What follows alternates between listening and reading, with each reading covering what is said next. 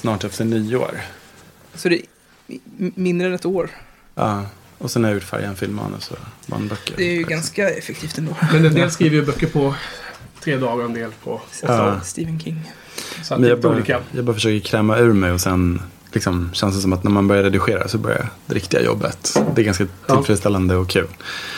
Det, det är lite olika där. Vissa författare tycker att redigering är urtråkigt och bara jobbigt. Jag, ehm, jag har en kompis som, en författarkompis som sa att ah, för mig är redigera det är som att behöva gräva upp ett gammalt ex från graven såhär, Ja. och hångla med honom igen.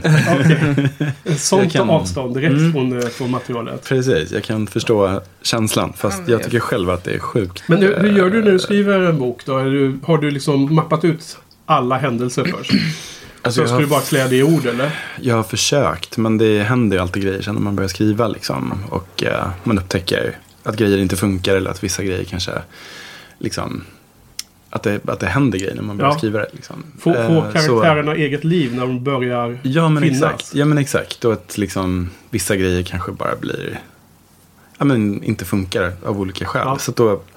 Jag, jag, jag har liksom blivit mer och mer så att jag tillåter första versionen att bli ganska dålig. Det är ganska skönt. Och sen liksom bara så skriva ur sig den. För att jag, jag kan liksom inte riktigt fatta vad jag har gjort förrän jag har det framför mig. Nej? Papper liksom. Ja, Och då börjar jag leka med det och försöka vaska fram guldkornen ur eh, ja, ja. ja. dretfloden. Liksom. ja vi har väl alla gått och tänkt att man skulle vilja skriva en bok någon gång. Ja. Ja, jag har tyvärr ingen bra metod. Jag, det känns som varje bok kräver sin egen metod, tycker jag. Liksom. Ja, ja. Men hur många böcker Alltså- är det nu då? Mm. Just det, nu ska vi se här. En, två, tre, fyra, fem. Okej, sex.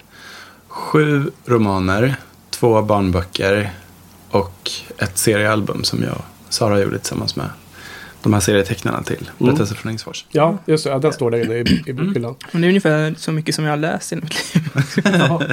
Nej, det, det, så läs mer men... men eh, Och du har bara läst mina då, menar du? Ja, men i Inget princip faktiskt. Mm. Jag är jättedålig på att läsa. men då är, eh, då känner mig är extra hedrad. trilogin och uh, färjan har man ju Mm. läst. Så det är en uh, försvarlig del av, av det då. Definitivt. Ja, jag har ju börjat spela in här nu lite. Ja, så okej. Lite allmänt uh, Mm. försnack. Mm. Eh, lite så. Men uh, bör, bör vi bli redo? Jag känner mig Mm. sjukt redo. Ja. I was born ready for this. Ja, Så glad att vi- Så himla glad att vi ska prata om just säsong fem. Ja. Ehm, och fem avslutningen framför allt. Ja, precis. För du var väl ganska tidigt inne på att ja, men det är nog bättre att vänta till säsong fem va, när vi planerade. Ja, exakt. Nej, men jag känner ju, alltså jag älskar ju Buffy mer än livet självt. Och jag eh, älskar liksom väldigt mycket i varje säsong. Men, men säsong fem är väldigt speciell av många skäl tycker Mm. jag. Och, och i ren så gåshudsfaktor så tycker jag det är svårt att knäcka just eh, The Gift Mm. faktiskt. Slutet där, ja. Precis, eh, vi eh, får tillfälle att återkomma till det. Men vad säger du Johan, du, eh, har, du, har du stängt av till... Ja, jag har stängt av, men min dator har degat ihop där. Så att jag kollar på anteckningar här. Nej, den, jag, den kraschade Jag hela tiden. Okej. Så att det är dags för Det är ny. tur att vi inte spelar in på den då. Ja, då Ja. Precis i början hade vi lite sunkigare teknik, men sen har vi köpt de här fina grejerna. Ah, så att det ska bli okej. bra ljud. Yes. Ja. Men eh, då ska vi komma igång. Men Johan, du får hälsa välkommen som vanligt. Det var Mm. ju jättesvårt att göra det förra gången. Alltså jag fick ju vara out of... du vet, vi har o... Outtalat så har vi fått olika roller i podden som Okej. värdar. Och Johan är alltid den som säger välkommen till oss och vilket nummer och så. Jag bara liksom, vad är det man säger nu igen? förra, Så du- förra veckan. Så du är good cop, bad cop eller? Jag vet inte. Det, men det är liksom sådana små grejer då kändes väldigt tydligt när, Mm. när vi helt plötsligt för första gången på 30 avsnitt satt jag här själv med en annan gäst och ingen co-host. Ah, jag förstår. Det där kan vara jättesvårt. Det var som när jag gjorde intervjuer för Färjan och inte hade Sara bredvid mig för första gången på Ja. fem år. Och liksom var så himla van att kunna kasta ett öga åt sidan och vara så här. Att Ja. vi hade vår lilla stick så här. Ja, och just sen det. Och det hela skulle jag vara rolig själv. Ja, jättejobbigt. Ja, Ja. ja. just det. Mm.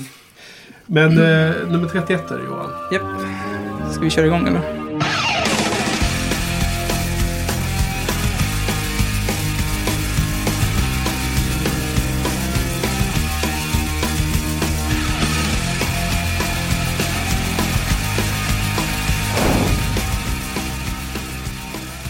Eh, välkommen till Buffy-podden avsnitt 31 då.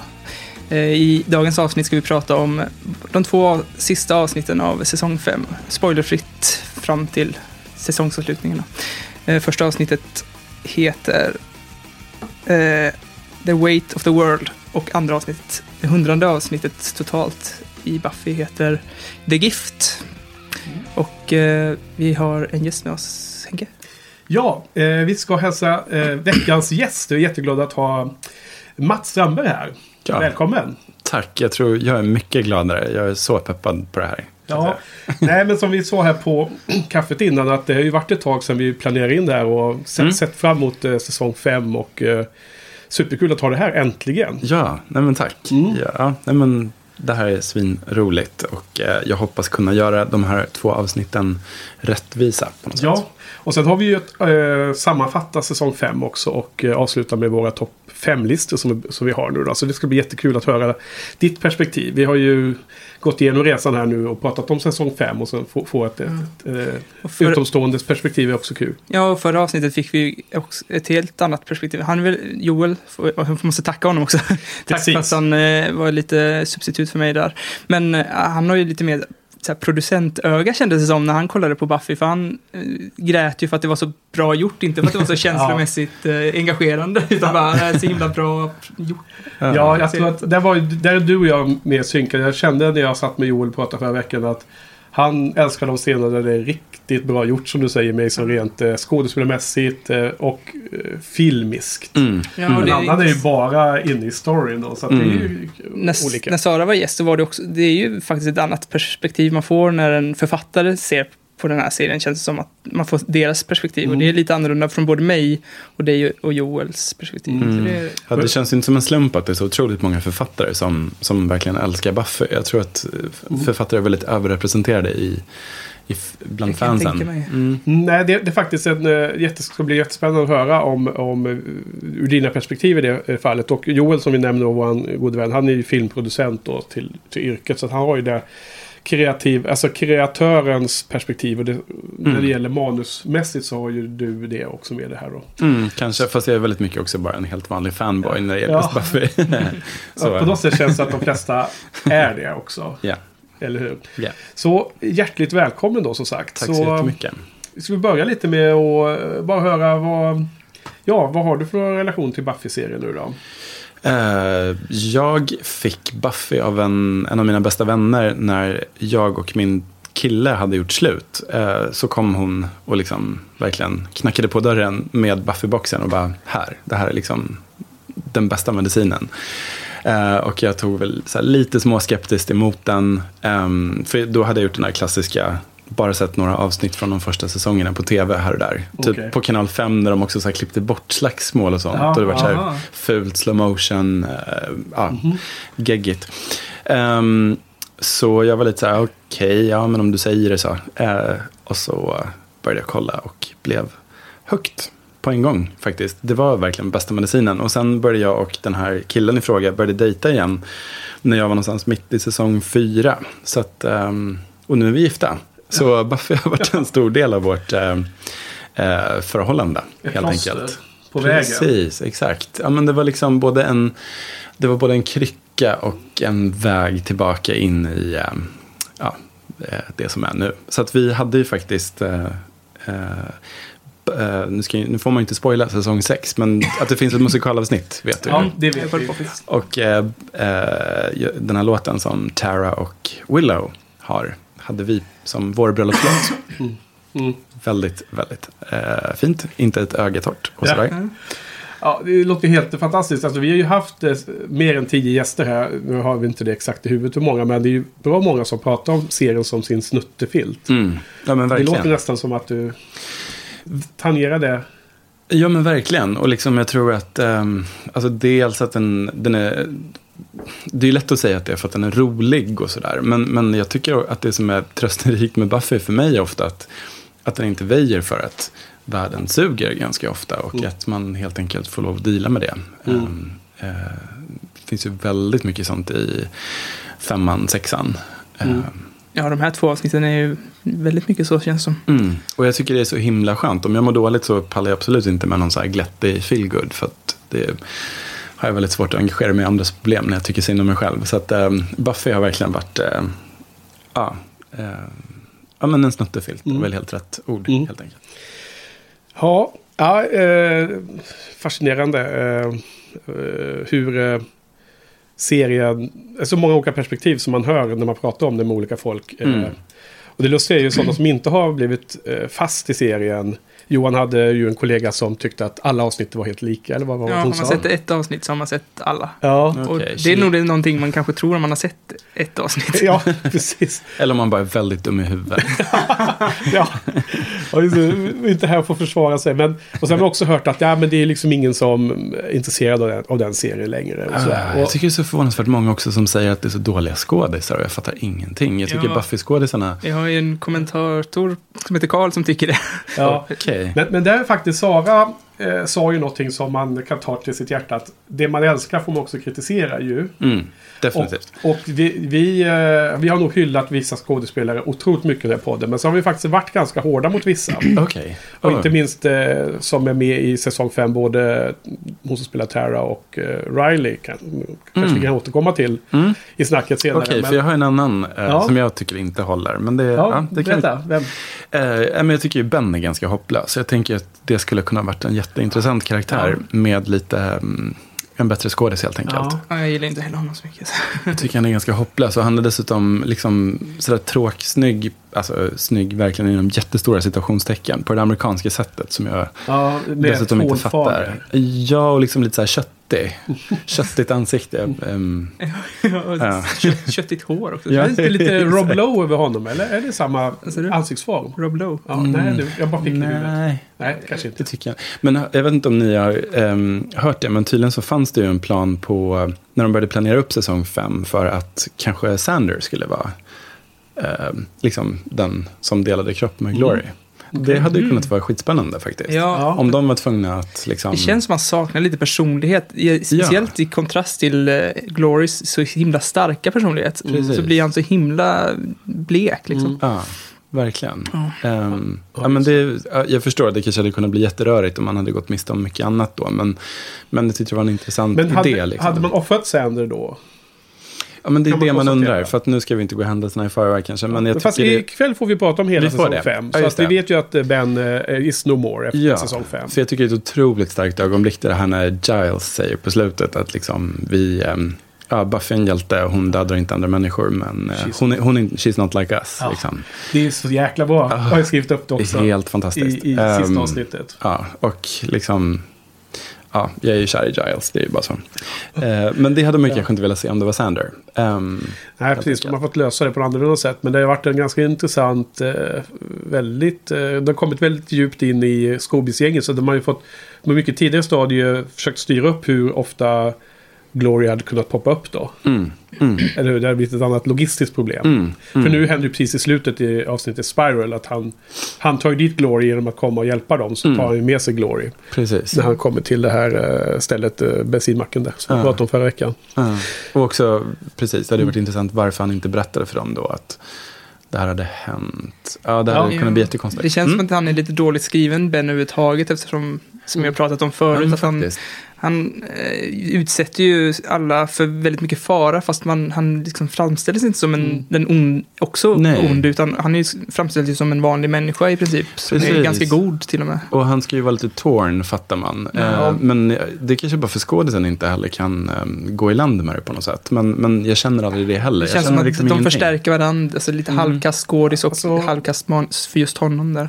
Jag tror det komplexa med honom är ju att han vill överleva. Han, han har ju fått ett medvetande och vill leva liksom. Och den, Mm. det, den egoismen är ju det som är eh, nerven i att han ska försöka klara sig på något sätt då. Mm. Mm. I en svår situation. Men jag har faktiskt aldrig riktigt kopplat till att han är dålig eller trist. För jag tycker att han är, han är bara en vässel för Glory. Så jag har liksom aldrig riktigt förväntat... Alltså, det har aldrig kommit in i mitt huvud att jag ska vänta mig att han är en superintressant karaktär. Jag tycker det finns intressanta grejer som när han snackar om det här med att här, ja, men man kanske kan hitta de rätta drogerna eller medicinerna för att liksom hålla Glory i schack och sådär. Då, då får man en känsla av att det kanske är därför han blev läkare. Alltså det finns mycket Ja. material där tycker jag. ehm, som inte riktigt utnyttjas. Ehm, och det känns som att sista avsnitten så så ändrar han liksom inställning till vad han ska göra av Dawn egentligen. Ett par gånger utan att man alltså, känner något inför det Ja, heller. Så. För precis i slutet så är han ju är han ju ändå med på Glorys sida. Han kommer med klänningen till Dawn och vill att hon ska Mm. Mm. Eh, och sen så ja, ska han bryta sig ut men så är det oklart vad han vill med henne Mm. ändå. Då. Mm.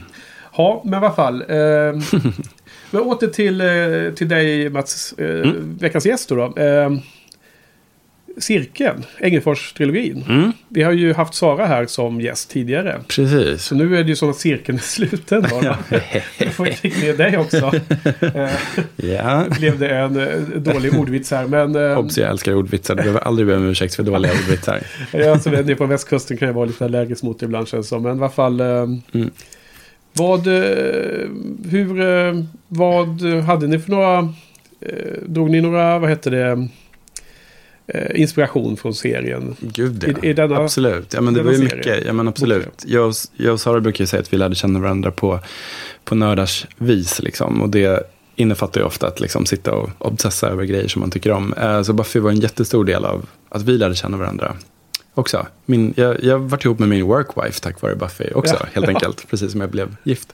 Ehm, men, ehm, ja, men absolut, vi pratar ju jättemycket om Buffy, både i uh, bemärkelsen Alltså vi har ju väldigt tydliga blinkningar i Engelsfors till Sunnydale. Vi har ju liksom rådet och vi Ja. har liksom den här myten om de utval, den utvalda. Och, ehm, men vi pratade kanske mer egentligen om, om, om det som eh, det här fantastiska sättet som Joss Whedon kan använda. ehm, dels använda ganska stereotypa eller arketypiska karaktärer och liksom ge dem helt oanade djup. Ehm, men också hur han kan använda magi och liksom apokalyps och allt det här som ett sätt att utmana karaktärerna. Men det har jag vi skrivit faktiskt upp för, som en not för din bok Färjan också. Att Ah, det kändes, och jag, vet, jag visste inte om jag våg, skulle våga ta upp det, men det kändes som att karaktärerna var skrivna på lite samma sätt. Att man utgår från en stereotyp för att sen väldigt snabbt kunna fördjupa dem. Liksom, Mm. Så att folk vet vad man ska förvänta sig av den här karaktären och då kan Mm. man börja på ganska... Vrida på det, Ja, vrida liksom. på den ganska Ja. snabbt. Liksom. Mm. Nej men absolut, jag tycker inte alls man ska ehm, vara rädd för att fråga. Eller liksom, eh, eller snarare så här, jag förstår att vissa författare kanske skulle bli jättesura. För att stereotyp är ju så himla negativt laddat. Men, Mm. men ehm, det pratas ju om tropes ofta på Ja. engelska. Och det är ju mycket mer, ehm, jag vet inte positivt, men i alla fall okej. Liksom, för jag, jag tycker definitivt att, speciellt när man har här historier som Cirkeln eller som Färjan, som har ett väldigt brett galleri som presenteras från början, då måste man hjälpa folk på traven och ge dem Mm. ganska enkla ledtrådar till, till vad det här är för personer. Mm. Men just i cirkelns fall så handlar det också mycket om, och kanske i, Joss kanske tänkt så med, med Buffy också, att, att liksom, ofta är ju folk ganska stereotypa. Om, du- om du förstår vad jag menar, att liksom någon som Cordelia som är den här snygga cheerleadern. ehm, Mean, mean Girls Cordelia. Ja men precis, och hon, hon beter sig ju också som folk förväntar sig att hon ska bete sig och som hon får utrymme att bete sig. Alltså, förstår ni vad jag menar? Att man blir ju en stereotyp utifrån, man, man blir ju ganska ka, hårt kastad när man går i gymnasiet. Liksom. Ja, absolut. Och det, hon, hon har ju layers som hon Mm. säger någon gång. Exakt. Alltså, och jag tycker det är What, en, a can of layers? ja, en av de bästa karaktärerna tycker jag i. Buffy. Jag älskar henne. Ja, eh, och- det är ju ingen slump att uh, Baltic Charisma i färgen heter ja, Baltic Charisma. Det är Ja. efter Charisma Carpenter såklart. Sk- Skådespelaren som spelar, Mm. eh, vad heter det, Cordelia ja. Mm. Cordelia Chase.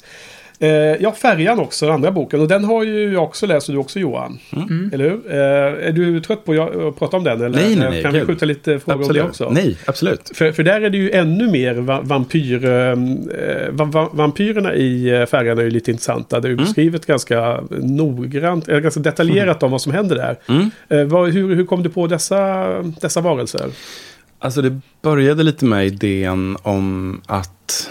Alltså först kom jag på idén med själva färjan, för jag tyckte det var så himla bra miljö. Liksom. Ja. Ehm, men sen ville jag att det skulle, gå, att det skulle vara liksom ett skräckelement som gick snabbt, så jag var lite inne på zombies. Jag är själv inte så jätteförtjust i zombies, plus att jag ville att det skulle vara ett monster som hade som hade ändå någon slags, ehm, eh, att det fanns en anledning till att just det här hände just nu. Att det fanns en plan liksom. Mm. Och du menar de här, de äldres, eh, det här... Eh, jag, tänkte på, nej, jag tänkte bara på det som hände på själva färjan eftersom den utspelar sig under 12 timmar bara. Ja, du menar så. Alltså ja. att, att det skulle gå fort, att Mm. det liksom inte hjälp, alltså det kunde inte vara, eller det hade väl kunnat vara också. Men jag ville att det skulle påverka hela båten väldigt Mm, snabbt mm. helt enkelt. Ehm, så då började jag tänka på vampyrer och så började jag tänka på, men om jag var vampyr idag, kanske jag skulle bli väldigt trött på vad som har hänt med vampyrmyten. Alltså att, att det är de här glittrande, eviga tonåringarna. Ja, det var som... någon kommentar om det i boken också.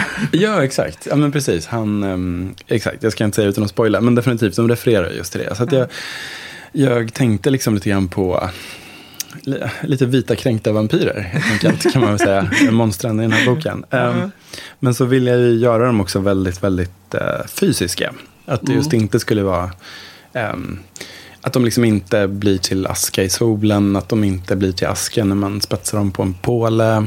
Uh, de fixar kors, de fixar vitlök, um, de syns i speglar, allt sånt där. Mm. Och så verkar det nästan...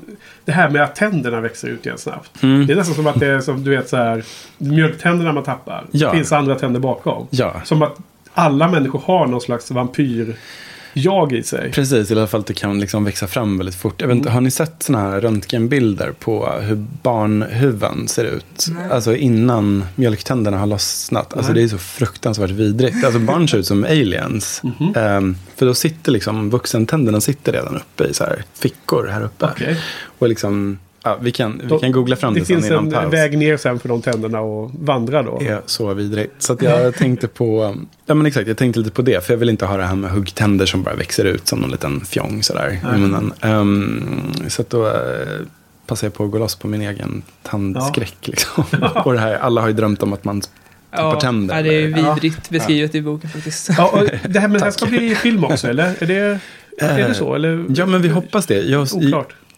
Jag och Sara har ju faktiskt skrivit filmmanuset ihop. Eh, och vi, de håller på med finansieringsarbete nu. Det är ett mm. jättebra um, filmbolag som heter Silvio Entertainment. Um, alla är väldigt skräcknördiga som jobbar med det här projektet. Levan som gjorde cirkeln-filmen ska regissera. Mm.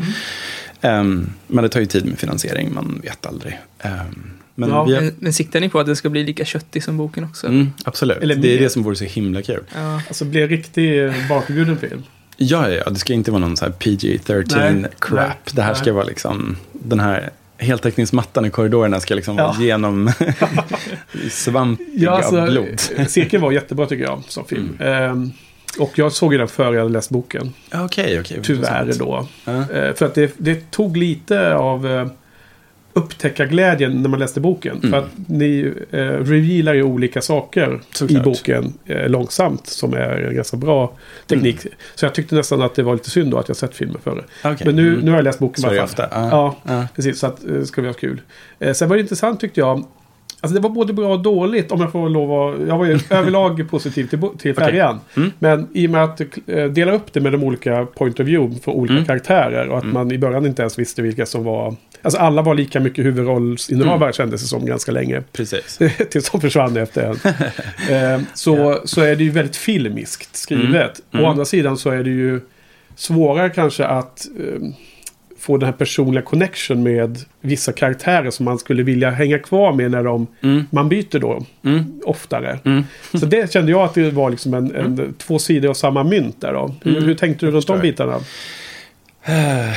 Alltså jag tänkte väl egentligen mest på att um, så här, alltså det som fick mig att bli kär i intervju, eller idén med att göra en bok om en finlandsfärja var just att jag kunde använda den som ett slags mikrokosmos. Att, att liksom det fanns så många möjligheter att befolka den med olika sorters ja. karaktärer. Eh, och att jag också ville eh, liksom gå in bakom kulisserna och se hur det funkar att jobba ombord och mm. sådär. Um, så att jag... Eh, du vill ha ett sånt super, superbrett personsgalleri? För att täcka in alla dessa? ja, men exakt. Och att jag ville att det skulle också att man skulle få plats med karaktärer som det är lite, det är lite som när vi skrev cirkeln också, att, att man känner att man kan ta ut svängarna mer när man har lite fler karaktärer. Mm. För att någon som till exempel um, Madde, den här liksom verkligen så här klassiska partytjejen mm. i färjan som just är så här guldglitter på tuttarna och liksom blir jävligt packad. Och, alltså jag älskar henne, jag tycker hon är superskön. Men det är kanske inte så många som skulle vilja läsa en hel bok om bara Madde. Mm. Precis som jag kanske inte skulle vilja skriva en hel bok om Madde. Mm. Och, och liksom man kan... Ja, att jag kunde liksom ta ut svängarna mer men också så leka mer med hur olika man kan se på det som händer och reagera mm. olika. Liksom. Absolut. Eh, jag tänkte på, jag ska bara säga det, vi ska återgå gå till Buffy snart. Men det här är ju lite spännande för det här är ju en del av det som, som eh, dina in, influenser kanske också delvis gjort att det hamnar i va vampyrhörnet. Mhm. Men just att första gången jag åkte eh, Finlandsfärja till eh, Helsingfors, Helsingfors och tillbaka som liksom inte ung vuxen och tonåring. Mm. Var ganska nyligen när vi åkte med hela massor med systerfamiljer och mamma och sådär när hon fyllde 70. Så det var ett sätt att träffas massor med familjer för att det är för många för att bara ses hemma hos någon och Mm. Ja, övernatta och så här. Och så det var en liten chock för mig att komma in i den miljön igen. Som jag, det var många, många år sedan tidigare. Och när jag Ja. läste de första kapitlen i din bok, alltså det var ju som att man bara var där igen. Alltså det var otroligt träffsäkert. Just tack. de här partierna i, eh, på terminalen innan man går ombord. Och de här Mm. som börjar dricka öl med en gång. Och, så. Mm. och jag, jag är ju tyvärr den där lilla klicken som du beskrev. Att de här som lite överlägset tittar ner på alla andra. Mhm. För man kände sig inte riktigt så hemma om man säger så miljön. Eh, eh, men de dog ju lika lätt om. Ja, absolut. De hade ingen fördel. Nej, jag hade Mm. ingen fördel av det.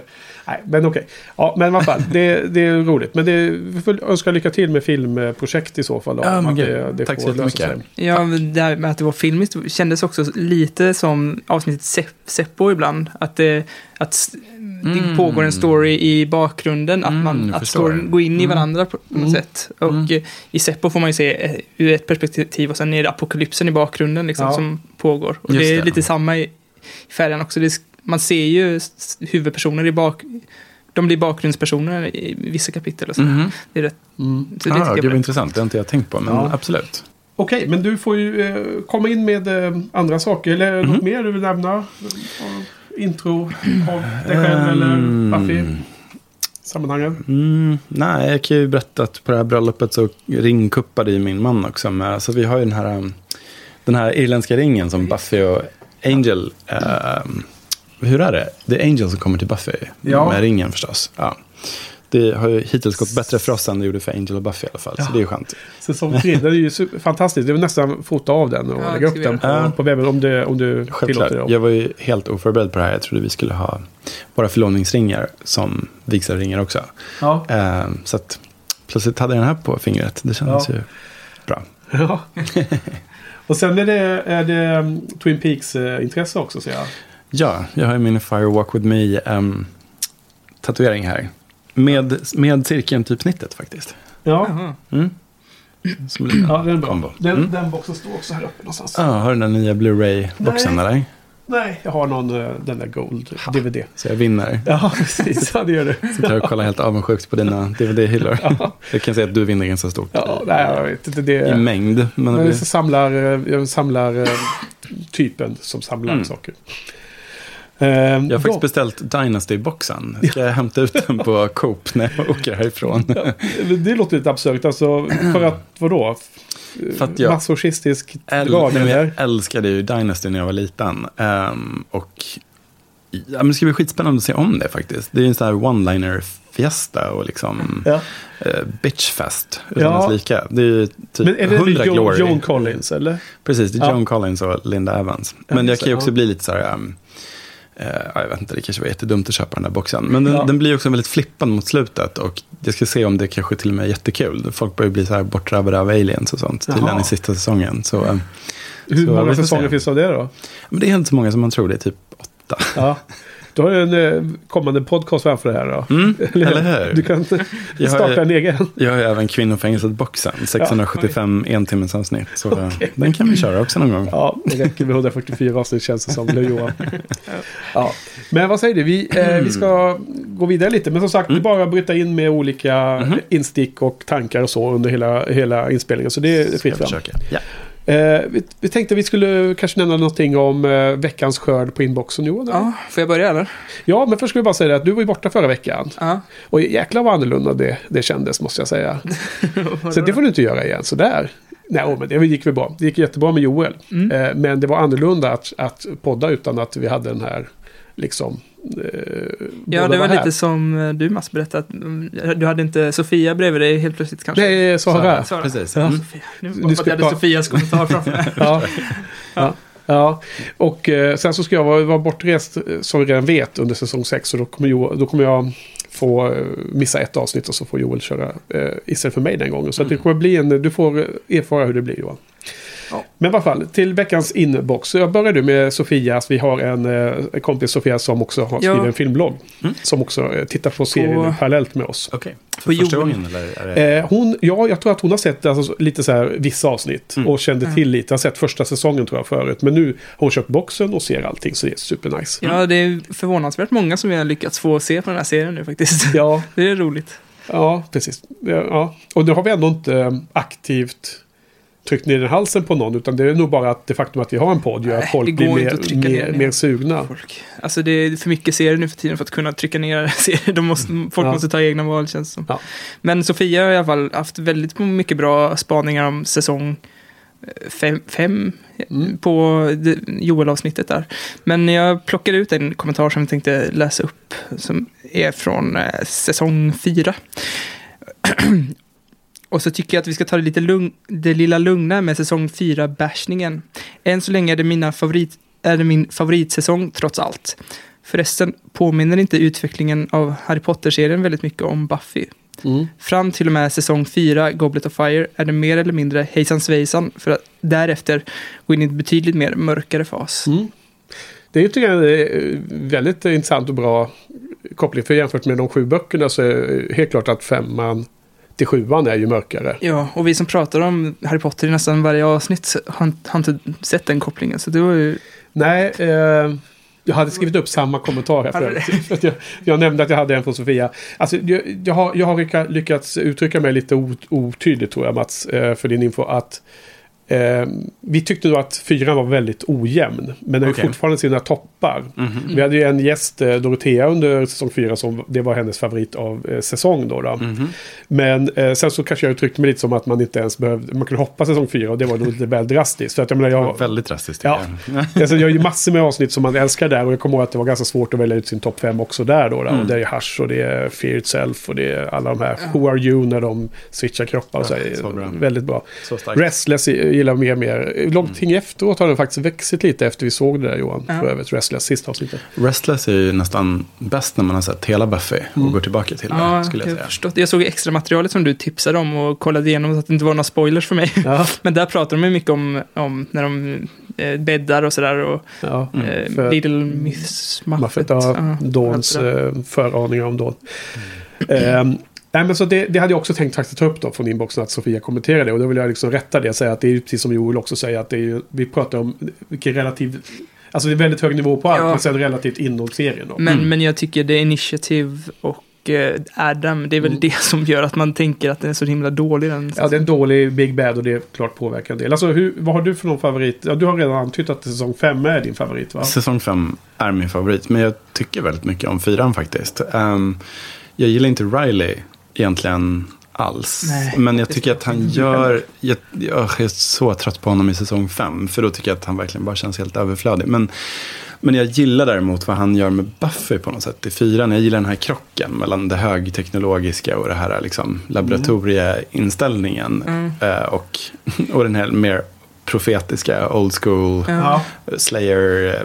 Slayer-världen. liksom. Så att jag, jag, jag gillar fyran. Där Ja. hade de nog dragit nytta av en lite högre budget tror jag. För det kändes som de bara sprang runt i rabatten hos folk och Mm. lekte krig lite grann. Mm. Ja, eh, PGA gjorde precis det antar jag. Eh, sen en kommentar till som Sofia skrev om det var att hon inte hade sett Intervention för hennes DVD inte funkade på det avsnittet. Och det var ju bara eh, smärta in i kroppen. Ja, men då får man faktiskt eh, tumma på sin moral och ladda ner det. ja, det man är tillåtet. Köpt, köpt den. Ja. Ja. Kan vi ge, ge, ge tillåtelse om det?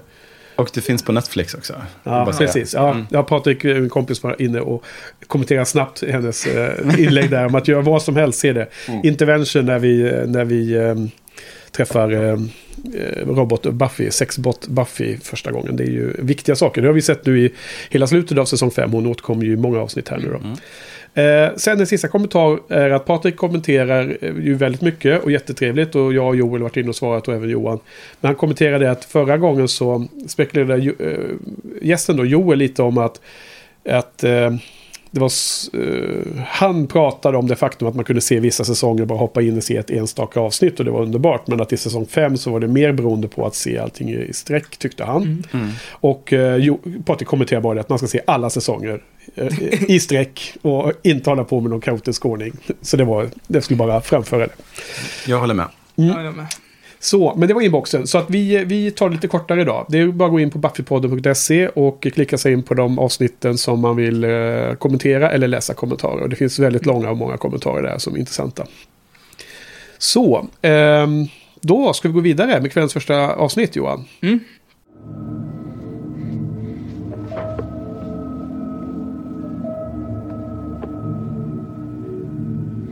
Right here, it happened. I know it's something small, but it's something. What? Don't go there, Will. I'm not. You're the one who keeps dragging me back here. And, you wouldn't be doing that if you weren't trying to show me something. Do I? Buffy, come on. It, it's your brain. Just tell me. What happened here? This was when I quit, Will. You did? Just for a second. I remember. I was in the magic shop. I put a book back for Giles. Nothing special about it. And then it hit me. What hit you? I can't beat Glory. Glory's going to win. You can't know that. I didn't just know it.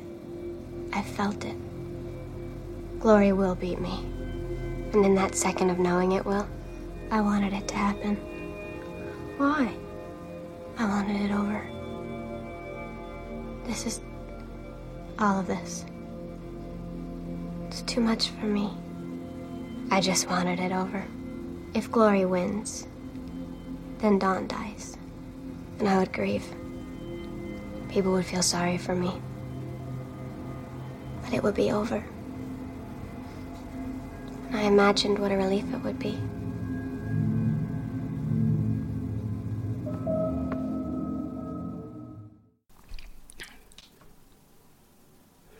Okej, så eh, det eh, första avsnittet för ikväll är avsnitt nummer 21, eh, säsong 5. Och det heter ju The Weight of the World, det näst sista avsnittet. Och nu då när vi har en gäst här så brukar vi alltid terrorisera gästerna med att fråga om ni vill dra en kort, kort synopsis. Och eh, Mats, vill du give it a shot här, eller? Eh, ja, den blir Vad handlar avsnittet om? kort, kort som en av Ja. Buffys kjolar i de första säsongerna. Just Så, ehm, De har vi inte glömt. nej, du, alltså jag är ju lite osäker på vart vissa avsnitt börjar och slutar. Men jag kan ju säga så här, premissen är ju helt enkelt att Buffy är katatonisk. Och de är på den här gamla nedlagda macken. Hela Scoobies-gänget och um, Dawn har precis blivit eh, bortförd av Ja. Glory. Ehm, och eh, alla de här riddarna av, vad heter de? Bis, Knights of Byzantium? Ja, där. Eh, ligger där döda och Buffy liksom ger upp. Eh, så hon blir katatonisk och Willow använder en spell för att gå in i hennes eh, sinne helt enkelt och kolla läget. Eh, och det är ju inte så himla sunshine and puppies där inne. Nej, precis. Det här är jätteintressant. Jag tycker hela... Precis, för nu var vi klara ungefär med... med det var ju det det handlade om. Hon- Willow är inne i Buffys huvud. För det första måste det vara en ganska farlig spel kan man ju konstatera. Men det var väl... Nöden har ingen lag i det här läget va? Plötsligt Willow är ju bara starkare och starkare hela tiden nu känns det som. Intressant nog att hon bara tog... Eh, vad heter det? Take charge. Vad heter? Hon tog över Precis. ansvaret där när alla börjar bli liksom lite vimsiga och helt stressade. För Buffy var inte där. Exakt. Det är ju det här med Spike som försöker väcka henne. Med Just det, och det är också en och grej. Just det, och det är också en grej att eh, Spike, visst är det då som Spike är den enda som fortfarande minns att Ben och Glory Ja, delar det. kropp. Det är ganska roligt Och blir också. väldigt frustrerad. Ja, men det är väldigt rolig såhär, humoristisk counterpoint till eh, hela ångesten inne i Buffys Ja, värld. och Liksom. Mr Giles som försöker sammanfatta men han tror knappt på det och så här. Giles. Ja. Eh, men, men sen är det ju, tycker jag, att, eh, lite kul lek som showen gör med formatet. Och att vi får den här resan Mm. in i hennes, eh, i hennes huvud. ja, precis. Eh, man får träffa lilla Buffy. Eh, och, Och så himla bra barnskådis faktiskt. Jag brukar inte gilla barnskådisar, men hon som spelar lilla Buffy tycker jag är grym. Alltså. ja, Ja, men jag håller med. Det, det, för med barnskål så är det alltid risken att man blir jättestörd. Mm, verkligen. För att de kan spela det fel. Men det Mm. finns ju de, de som är bra blir man ju så himla mycket mer fascinerad av. Mm. Har du sett filmen Room? Nej, jag har inte gjort det än. Nej, Ah. Alltså det, är ju, det handlar om ett barn där. Men det kan, säga, det kan du se med gott... eh, du behöver inte vara rädd Mm. för att det är en dålig barnskådis. Okej. Så det, det är en liten rekommendation att se den. Okej, grymt. Eh, men inte när du är mentalt trött innan. Utan den, den, den, eh, kräver sin man att ta sig igenom. Ja, jag okej. säga. Och sen förstör man sin eh, upparbetade liksom, ut, mentala utvilning genom att se den. Ja. Ja, nej men, eh, men sen så får vi ju träffa Joyce igen. Jag tycker hon ser jätteung ut. De har gjort någonting där. Ja, Tänkte det ni på de det eller? Eh, För hon är ju yngre där. Hon kom hem med Dawn. som Ja, hon måste ju bebisen. vara liksom 20 någonting där. Alltså föreställa 20, eller Ja. hur? Hon är väl bara 40 någonting när hon dör och Buffy är 20. Ja, just det. Ehm, Och pappan är med där också. Det har Mm. jag inte tänkt på riktigt innan, men han har ju varit väldigt frånvarande nu. Ja. Känns Mm. det som. För att han var ju ändå hyfsat närvarande och skulle skate, ice skating med... så jag vet inte om det räknas som hyfsat sedan. närvarande i och för sig. Nej, men han fanns en- liksom i Buffys tankar. Nu har han ju liksom... Nu är Ja, det ja, helt precis. bortraderad ur Bu- Buffyverse. Och han är ju verkligen inte riktigt närvarande i den scenen heller. Det är ju liksom aldrig fokus på honom. Eller, Nej. eller han har ingen replik. Mm. Eller han kanske har en replik, men det är liksom, man ser honom ju knappt. Liksom. Mm. Nej. Ja. Men, men det är också lite lustigt att se hur otroligt väl eh, de har implementerat Dawns minne i eh, alla människor. Mm. Här får vi se Buffy som allra liksom, jättegammalt minne och Dawn finns där. Mm. Så det, Mm. det är bra i den magiska världen. Mm. Jag gillar de här psykoanalysavsnitten av Buffy, Ja. eller vad man ska säga. Jag älskar ju Restless till exempel. Ja, ja. Eh, Säsongsavslutningen på fyran. Jag tycker det är helt amazing när de Ja. gör de här grejerna. Men då har du sett det ganska många gånger kan jag tänka. Uh, Restless, ja. Absolut. Ja. Ja. För det är väl något sådant avsnitt som man får se några gånger. Ah, ja. och gärna Visst. efter man sett hela serien. Ja, absolut. Och eh, ett sånt där avsnitt som verkligen är roligt att, att läsa analyser från smartare människor än jag. som kan Mm. Precis. se massa referenser och sådär. Jag, jag tror det Johan, när vi har poddat klart hela säsong 7, då har vi några poddavsnitt kvar där vi måste liksom behandla hela serien. Mm. Och inklusive Restless tror jag är extra intressant att kanske återbesöka och Mm. försöka göra de här, koda av den lite. Mm. Ja, men precis. Ja, nej, men jag tycker i alla fall att det här avsnittet är väldigt spännande med det. Med just den, den eh, vevan när Willow är där inne flera gånger om. Då, Mm. då. Mm. Och det är det viktigaste som jag tycker händer här då förstås. Jo, men precis. För när jag såg det här avsnittet, så man hänger ju alltid upp minnena lite på de här stora dramatiska händelserna när det är maffig musik och sådär med Glory och så. Så när jag sett avsnittet så tänkte jag, det- så här, var, det, var det inte mer än så här? Och nu såg jag om det precis innan vi skulle spela in. Och då får jag, alltså, det är ju inte det det handlar om. Det är ju just Buffys, hur hon går in i den här drömmen som det handlar om. Mm. Så att det var tur att jag såg om den lite känner jag. För, Ja. att, Mm. du- då, för det är ju, det är ju väldigt intressant, den här hela drömmen och så. Ja. Mm. Det är, ja, verkligen. Och det känns... ehm, är det någon som förtjänar ett breakdown så är det ju verkligen Buffy. Jag tycker att det ligger så himla rätt i den här säsongen att de låter henne hamna i det här Ja. efter allt hon har varit med om. Liksom. Mm. Och sen vet inte jag om hur uträknat det är, men det känns också som att det bäddar väldigt fint för, för säsongsavslutningen. Eller inte bäddar kanske, men, men det finns ju vissa som tycker att, eh, om det är okej att jag blandar ihop diskussionerna Mm, lite nu, men det finns ju vissa som, som menar att, liksom, att säsongsavslutningen på femman är problematisk för att det skulle kunna glorifiera självmord. Eller så, Mm. liksom. Mhm. Och jag håller inte alls med om det. Men det känns också som att det här avsnittet ehm, visar ju verkligen också det att äh, skillnaden. Liksom att, att det är en heroisk död i, Mm. i säsongsavslutningen. Det här är ju liksom det riktiga självmordet så att säga. Liksom det här med att bara vilja stänga av sig och inte vara med längre. Mm. Inte längre vara en del Alltså, av ge- världen. Att ge upp, precis. Det var ju Ehm, jättebra att de lugnade ner sig lite innan den här stora finalen och Ja. behandlade alla de här frågorna innan. Precis, sen- exakt. Jag, jag tycker det, avsnittet handlar väldigt mycket om hennes, alltså det är ju guilt, det är hennes skuld som jag tycker skriks ut ur avsnittet. Att hon, hon känner skuld över att hon inte kunde göra mer för att förhindra att Ja, men hon har hela världen på sina axlar liksom, och till slut så pallar hon inte mer. Hon, Mm. så här, hon måste... Och också den här insikten om att jag kan inte vinna över Glory. Nej. Tycker jag också är väldigt så här, eh, stark. Helt enkelt. För att hon, det är lite så här hennes uppgift som Slayer att hela tiden um, vara så här, inställd på att klara biffen och alla förväntar sig hela tiden att hon ska leda dem och har en massa åsikter om när de tycker att hon leder henne fel och sådär. Um, så, ja. Ja, precis för eh, det, det är hennes eh, skuldkänsla som leder till och insikten att hon inte kan besegra Glory som gör att hon ger upp där. Mm. Och då drar hon sig tillbaks in till bättre plats. Mm. Ja, väldigt snyggt eh, hanterat. Mm. Sen resten av avsnittet är ju ganska mycket, man får ju se Glory och Ben och Dawn. Lite Mm. så här inklippt parallellt. Just det. Som är, en build-up inför nästa avsnitt helt enkelt Mm. ju.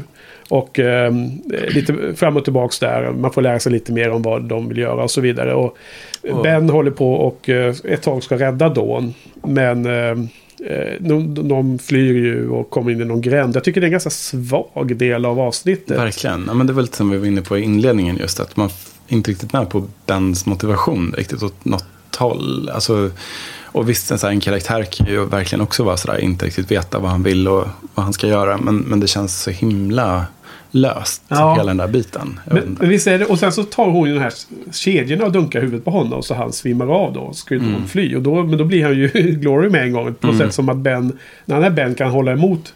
Men om han tappar medvetandet så kommer bara Glory fram istället. Mm. Eh, läste ni den scenen likadant eller? Kommer ni ihåg? Ehm, nej, inte kändes- så. ja, nej, men för jag, jag litar inte riktigt på bygget runt de där två. Så jag har nog inte ens försökt riktigt Nej, jag analysera tror, på det jag sättet. tror att den här scenen hade varit så himla mycket bättre om de hade byggt upp Bens karaktär på ett bättre sätt. Att den, Ja. han hade lite klarare motivationer och Mm. om karaktären var lite mer, han hade lite mer personlighet på något sätt. så Ja, att man ja. förstod vad han var för kille. Mm. Ja, jag, håller med där. Ja. Men annars så tycker jag att eh, vad som har varit bra under hela säsongen är ju The Big Bad. Jag älskar Glory alltså. Ja. Vad, vad, vad tycker du om henne? Ja, men jag tycker ju att hon är liksom Buffy-versumets Mariah Carey. Hon är ju liksom... Och då gillar vi Mariah Carey. Alltså jag gillar ju att läsa i snasktidningar om Mariah Careys konstiga divalater. Ehm, ja. Jag... nej men jag tycker Gloria är faktiskt ganska underbar. Ja. Eller jag tycker hon är faktiskt helt underbar. Ja. Ehm, jag tycker hon är den bästa Big Bad. Ehm, jag tycker fantastisk skådis. Som Ja. jag inte ens har tänkt på vad hon heter. Det är lite skamligt. Claire Kramer heter hon Ja. ju. Nej, men hon är så jävla bra. Ja. Eh, rolig och ändå... Eh, alltså hon känns ju som ett hot på riktigt. Eh, fast hon är så rolig och hon har också så himla mycket... Um, det hade kunnat bli fruktansvärt fel med fel skådis, den här Mm. rollen. Det är mycket hon måste stå och berätta också. Mycket så här exposition-scener. Ja. Speciellt här mot slutet. Mm. För att recappa allt Ja, som händer. exakt.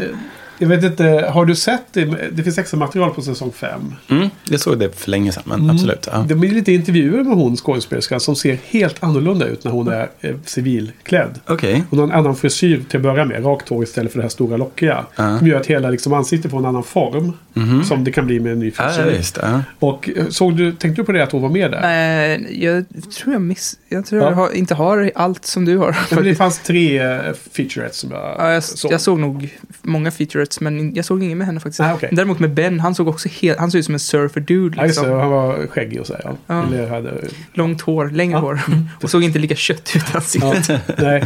nej, så att eh, jag måste säga att jag tycker också Glor- Glorificus är jättehärlig. Och Mm. eh, med hennes maner och hennes minions där. Och sen hon ligger i badkaret och de står där med juice och skrubbar och allt vad det är. Ja, visst. Och jag gillar faktiskt The Minions också. Ja. Jättemycket. De är väldigt roliga med sina, um, sina epitet som de Ja. ger henne i varenda Ja, mening. Jag skrev av något här, men det är nästa kanske. De var ju så himla roliga. Men ja, det, det får vi klippa in istället. Det blir för dåligt att, att läsa upp. Oh, most sweaty, naughty feelings causing one? Men, eh, Drag och Jinx och allt vad de heter. Och sen, sen, här nu mot slutet så upptäcker man också att det finns en kvinnlig sån minion. Mm. Det, det såg man inte riktigt i början jag för mig. Utan det kom jag på ganska nyligen. Nej men de ser ju likadana ut. Det är Ja. ju bara på rösten man Ja. hör det. Så att det tycker jag är kul. Det var, Att, ja. Och det var så roligt att Joel då satt här förra veckan och sa så här. Ja, de är så korta också. De är ändå ganska bra på att fightas. Men de är ju lika långa. Bara att vi är så vana att se de här, du vet, med de här bruna kläderna. Som Mm. de här i Star Wars. De här små Just det, exakt. Så att man Ja. tror att de är små. Eh, men, men det, Men att man tror att de är män också allihopa är väl för att de har liksom den här, ehm, alltså den sortens flintskallighet som är mer förknippade med män helt Ja. enkelt. Att de har flinten uppe på hjässan och sen det här långa, ja. eh, skabbiga håret. Ja. Liksom. Ja, ja. Eh, jag tycker i alla fall att det här var väldigt... Eh, ska vi wrap it up eller har ni några mer kommentarer? Johan, du har något där. Nej, jag tror att jag, alltså det, det är ju ett ganska... Det, det, är ju ganska innehållslöst avsnitt egentligen. De försöker ju dra ner tempot lite och, och egentligen handlar det ju bara om den här drömmen egentligen. Mm. Så att jag är, tror att vi kan gå vidare nästan. Ja. Jag jag skrivit upp att jag tyckte Spikes lavett var lite klyschig och dålig. Eh, typ, Spikes... Eh, Spike eh, ger ju Buffy en lavett för hon ska vakna upp där. Jag tyckte det var ja, så här en lite... örfil. Ja, ja. Ja, Eller? precis. Ja, okej. Vad är det för skillnad på lavett och örfil? Jag vet inte. Det Jag är var lite, ingen skillnad. nej, men jag var väl lite oklar på, på synonymer där. Men Ja. fick jag lära mig någonting. Ja. Nej, men jag tyckte att, så här, det var lite väntat och tråkigt. Men annars, ja. Ja. Hmm. Du då Mats, du har dina notes där. Ehm, ja, men jag har faktiskt inte så mycket Nej. anteckningar om det här avsnittet heller. För att eh, jag tycker verkligen, verkligen om det här avsnittet. Men jag har inte så mycket att tillägga. Plus Nej. vill börja prata om The Ja. Gift snart. Precis. Så eh, vad har du för något betyg på det här då Johan? Eh, jag har skrivit 6 av 10, men jag, ja, jag tror jag håller fast vid det. Ja. Jag, jag, jag tycker hela den där eh, psykoanalysresan tycker jag är riktigt bra. En av de höjdpunkterna i säsongen. Jag sätter 7 av 10 på den här avsnittet. Vet inte- Mm.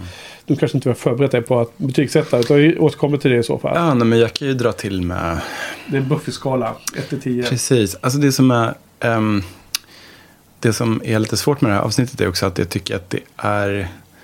Det är kanske inte ett avsnitt jag skulle se om flest gånger. Men Nej. jag tycker att i... Som ingrediens i den stora härliga kakan som är säsong fem så tycker jag liksom att det är en super, super viktig Ja. del. Mm. Ehm, så att det var svårt. Ja, men typ någonstans mellan en sjua och en åtta. då. Ja. Mm. Okej, men vi går vidare. Mm. I understand that. No! No, you don't understand. We are not talking about this. Yes, we bloody well are!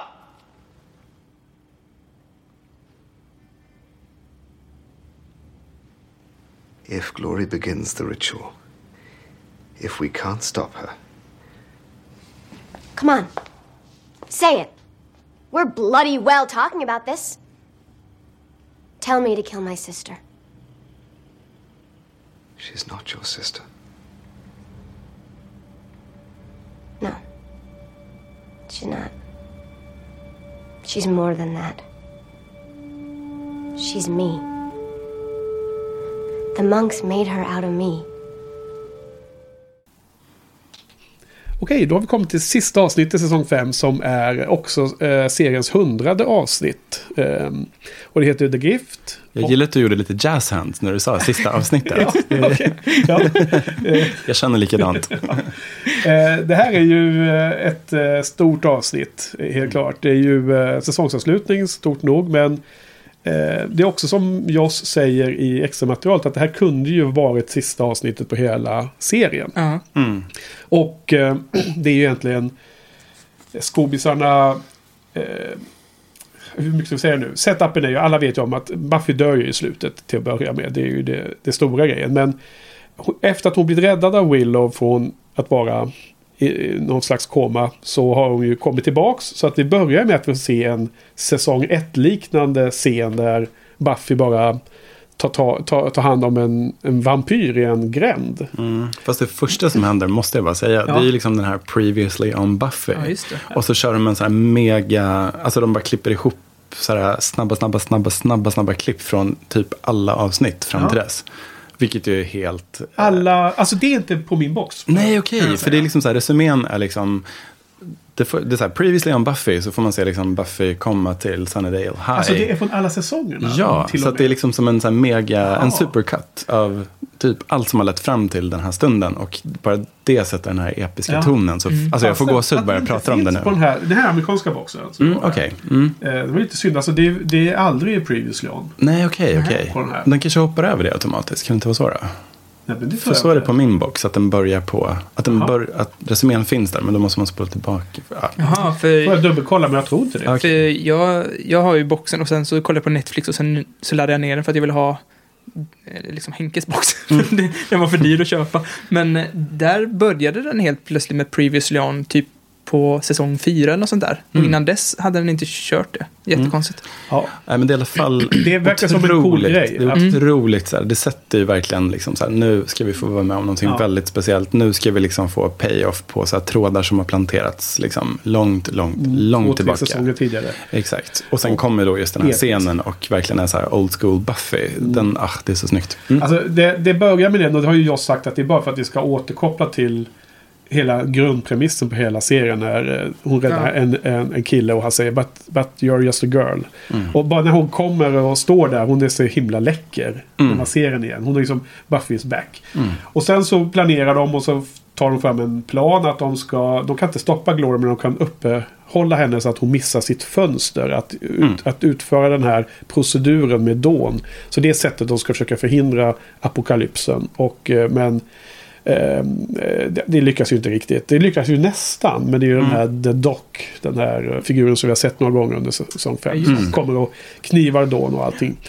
Och så slutar med att eh, Buffy offrar sig. Så det är ju premissen. Alla kommer ju ihåg det här. Det är Mm. kanske ett av de avsnitten som det är minst nödvändigt att dra en synopsis egentligen. För jag tror att de, de som har sett serien överhuvudtaget kommer ihåg det. Det här var ju liksom något som jag lätt kom ihåg mycket Mm. från, från, Mm. från tio år tillbaka. Medan flera avsnitt tidigare här så hade jag bara helt blankt. Så att det här har satt ett, ett mycket djupare spår än vissa avsnitt kan jag säga. Ja. Okej, så shoot. Vad har ni på det här då? På The Gift? Ja, men jag är precis som du och säkert du också otroligt förtjust i att det liksom är just en sån här old school, alltså som du säger, Buffy is back. Det är den här gamla sortens Buffy som helt enkelt kommer in där och kör den här, en massa puns. Det är en väldigt random vampyr, det, är liksom, det har ingenting med den här Ja. stora mytologin som, som hela säsong fem och speciellt det här avsnittet handlar om.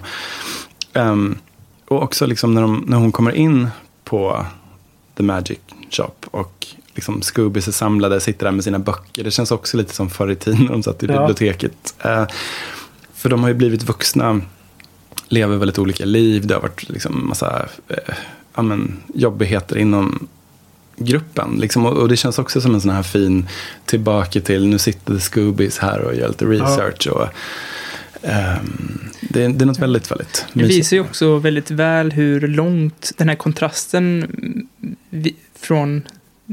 Alltså det visar väldigt väl hur långt man har kommit, hur långt Mm. karaktären har kommit. Exakt. Från att hon är den här Just a Girl till att hon är The Slayer som nu ska offra sitt liv för mänskligheten typ. Mm. Så Ja. det är rätt coolt att se faktiskt.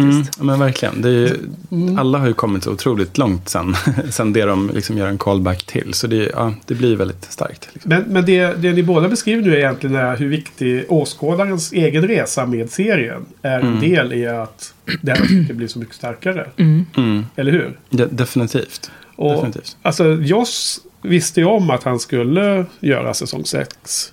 Mm. Säger han i extra materialet i alla fall. Mm. Sen har jag också i och för sig läst att egentligen är bara... Är det inte så att det bara var efter säsong 6 som man verkligen visste att det skulle vara en säsong till?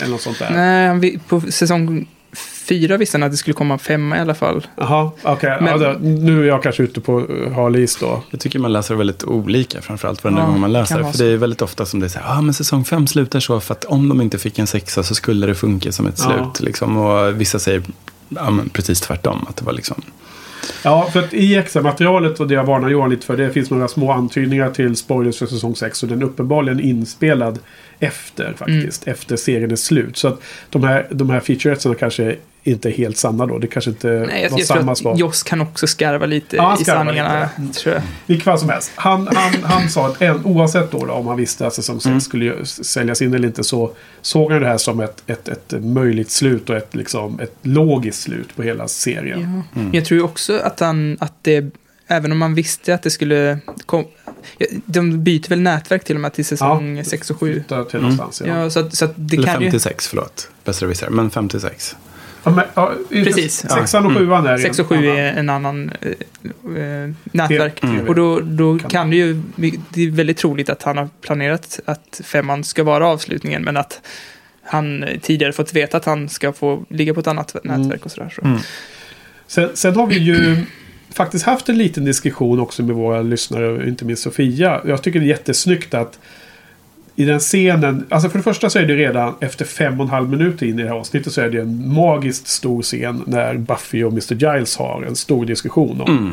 huruvida ett annat sätt att besegra Gloria är helt enkelt att eh, offra Dawn. Mm. Eftersom hon är nyckeln och hon måste leva när den här proceduren ska göra. Och Mm. dödar man Buffys syster så är problemet ur världen. Om Mm. man säger så. Och Mr. Giles är ju krass och dessutom som hennes Watchers, hans roll är ju det som han själv säger då. Och det tycker jag är en jättebra scen. Mm. Gillar ni den eller? Jag gillar den för att mm, jag håller ju med Giles på många sätt. Um, alltså han har ju rätt. Det, det, här, eller det finns väl inga så här jättetydliga gränser mellan rätt och fel. Men, eller det är en tolkningsfråga. Men, men alltså, ja, det skulle ju lösa problemet och Dawn skulle ändå dö ifall Glory lyckas med sin plan. Ja. Eh, och liksom, kanske bättre att liksom rädda livet på hur många miljarder vi nu är för tillfället. Mm. Ja. Eh, så. Och så tredje alternativet att, att Buffy dör hade de inte tänkt på i det här läget. Nej, men det är en intre- Alltså, jätteintressant. Varför skulle inte lösa det? Ja, du menar så. Ja, ja, du Ja. menar det som blir lösningen. Ja. Ja, ja, förlåt. Den alternativet har de, tänker de inte på. Ja, vad skulle du säga Johan? Eh, Jag tycker bara att det, det är en jätteintressant eh, eh, frågeställning. Men jag tycker nog att man skulle kunna gå ännu djupare och diskutera den, en- alltså diskutera den frågan ännu djupare. För att egentligen tar ju bara Giles upp frågan här ut- utan att liksom Nej, diskutera alltså, den så djupt. Ja, ja, ja, ja, det kanske man kan se. Men jag tycker att de gör det så bra. Showen gör det så himla bra att Buffy förklarar ju att det är inte bara min... Alltså, hon är inte min syster, men hon är gjord av mig. Ja, Mm. ja, det Det är är ju ju det som gör att hon...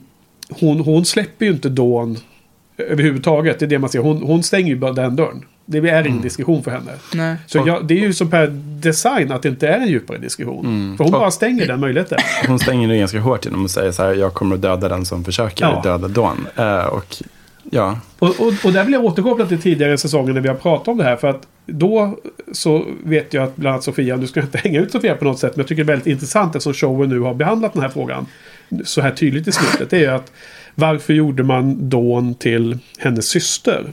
Därför att Buffy hade eh, försvarat henne ändå. Var det som en kommentar tidigare under säsongen. mm, Och då, då pratar jag om det. Ja, men Dawn är ju också hotet i och med att hon är the key. mm. Och eh, är det säkert att Buffy verkligen i The Greater Good hade försvarat henne? Men nu får vi svar på den frågan som vi har Mm. haft diskussioner på, på Alltså det- hemsidan om. Det här är ju jätte... Åh gud, det finns så många saker att säga som det här. Jag vet inte ens var jag ska börja. Men, men alltså, det jag tycker är lite oväntat kanske med den scenen. Det är ju liksom att här, för mig handlar ju hela Buffy som helhet väldigt mycket om det här med att man skapar sin egen familj. Och att The Scoobies är en Ja, familj. Och att det har inte med blodsband att göra, liksom allt det här. Så att... att ehm, att det här argumentet, som dessutom jag tror är så första gången vi ens får höra talas om det, att liksom de gjorde Ja. They made her out of me. Det har man ju inte riktigt fått känslan av förut. Nej. Det känns som att det är någon information som bara droppas i knät på en. Det är ju den här lilla scenen där de visar när de tog händerna mot varandra med blod i. Ja, men då är det liksom att, så här, ja visst, det är Summers blood.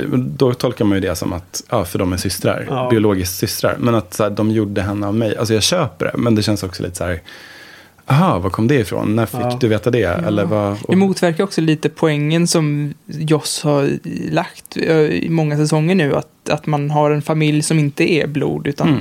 man har ju den här familjen som är Ja. Och socialt konstruerad. Terras biologiska familj Exakt. som dyker upp. Eh, det är väl den här säsongen, Ja. eller hur? Ja. Eh, där är ju väldigt så här, på sin spets på något sätt. Det Ja, temat. Så precis. att- För där, där tar mm. de till sig Tara som, som en familjemedlem. Trots att hon bara är det för att...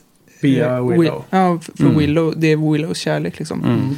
Och eh, även om de, verk, de inte känner henne och är nästan lite rädda för henne så liksom Mm. försvarar de henne som om det vore familj. Så Mm. det är väl coolt fall, fall, de inte, fall Buffy inte sa hon är en del av mig utan hon är familj oavsett fall det är blod eller inte Mm. Ja, liksom. precis. Men det, det hade väl varit ett eh, manusmässigt eh, svaghet liksom. För att eh, Mr. Giles argumentation är ju så pass tydlig där.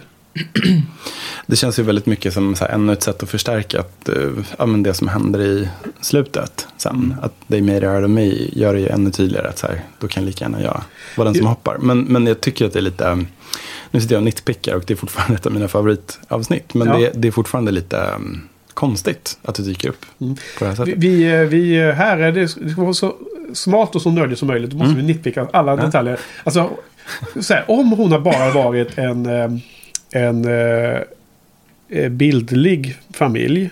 Mm. Hade verkligen Buffys kropp stoppat eh, den här portalen? då Nej, då? det Utan det är ju det, är ju det här blodet för The Key som behövs. Mm. Ja, det är sant. Så att det måste ju vara The Keys blod Mm. i Buffy för hon ska Mm. kunna... Någon idé att kasta sig där i. Mm. För övrigt är en scen när man ser att hon liksom hänger i, i luften ett tag. Mm. Och har ont. Ja. Det är en väldigt bra scen. Mm. Och sen I- finner i- frid. Ja, och när hon faller igenom till slut ja. Mm. Eh, Då, är det, då har det tagit slut. Mm. Ehm, Nu kan man typ så här riva ost på min gåshud. Jag älskar ja. det här avsnittet. Alltså... Det, Men, men får jag ja. nitpicka en annan grej som jag hörde faktiskt på någon annan Buffy-podd för ett tag sedan. Så jag kommer inte ihåg vilken det var. Ehm, Amerikansk. ja, precis. Nej, Dusted. Ja, men exakt. Det Ja. var det. Eh, nej, men för då pratar de också om, i just den här scenen, fortfarande bara inne på den här inledningsscenen. Ja. Men att ehm, eh, det, det är lite samma sak det här när, när, när Anja säger så här, ja ah, men eh, typ ta den här trollhammaren. Eh, Ja. så här, typ if you wanna be the God, use the weapon of a God. Ja. Alltså, typ det Som säger om hon det nu. vore Tors eh, hammare. Ja. Ja, exakt. Men det är det Och det, inte. det har vi inte, alltså den här trollhistorien som jag för övrigt gillar jättemycket. Och jag tycker det är kul Olaf. att, ja precis, jag tycker om att, att något från ett tidigare avsnitt i säsongen plötsligt får betydelse här. Men, men eh, det känns också lite off, liksom. Ja, För han, han framställs ju inte som en gud alls tidigare. Nej, eh, men det är ju Anjas för detta pojkvän när hon är demon. Mm. Är det inte det? Nej, det är det inte. Eller? Jo, det är det ju. Eh, Det- så det- hon blir demon för att hon hämnas på honom, tror jag, eller hur? Eller hon ja, ska hämnas Så är det ja. Det är pojkvännen innan hon blir demon. Så att Mm. han är ju inte i gudvärlden då. Nej. Nej.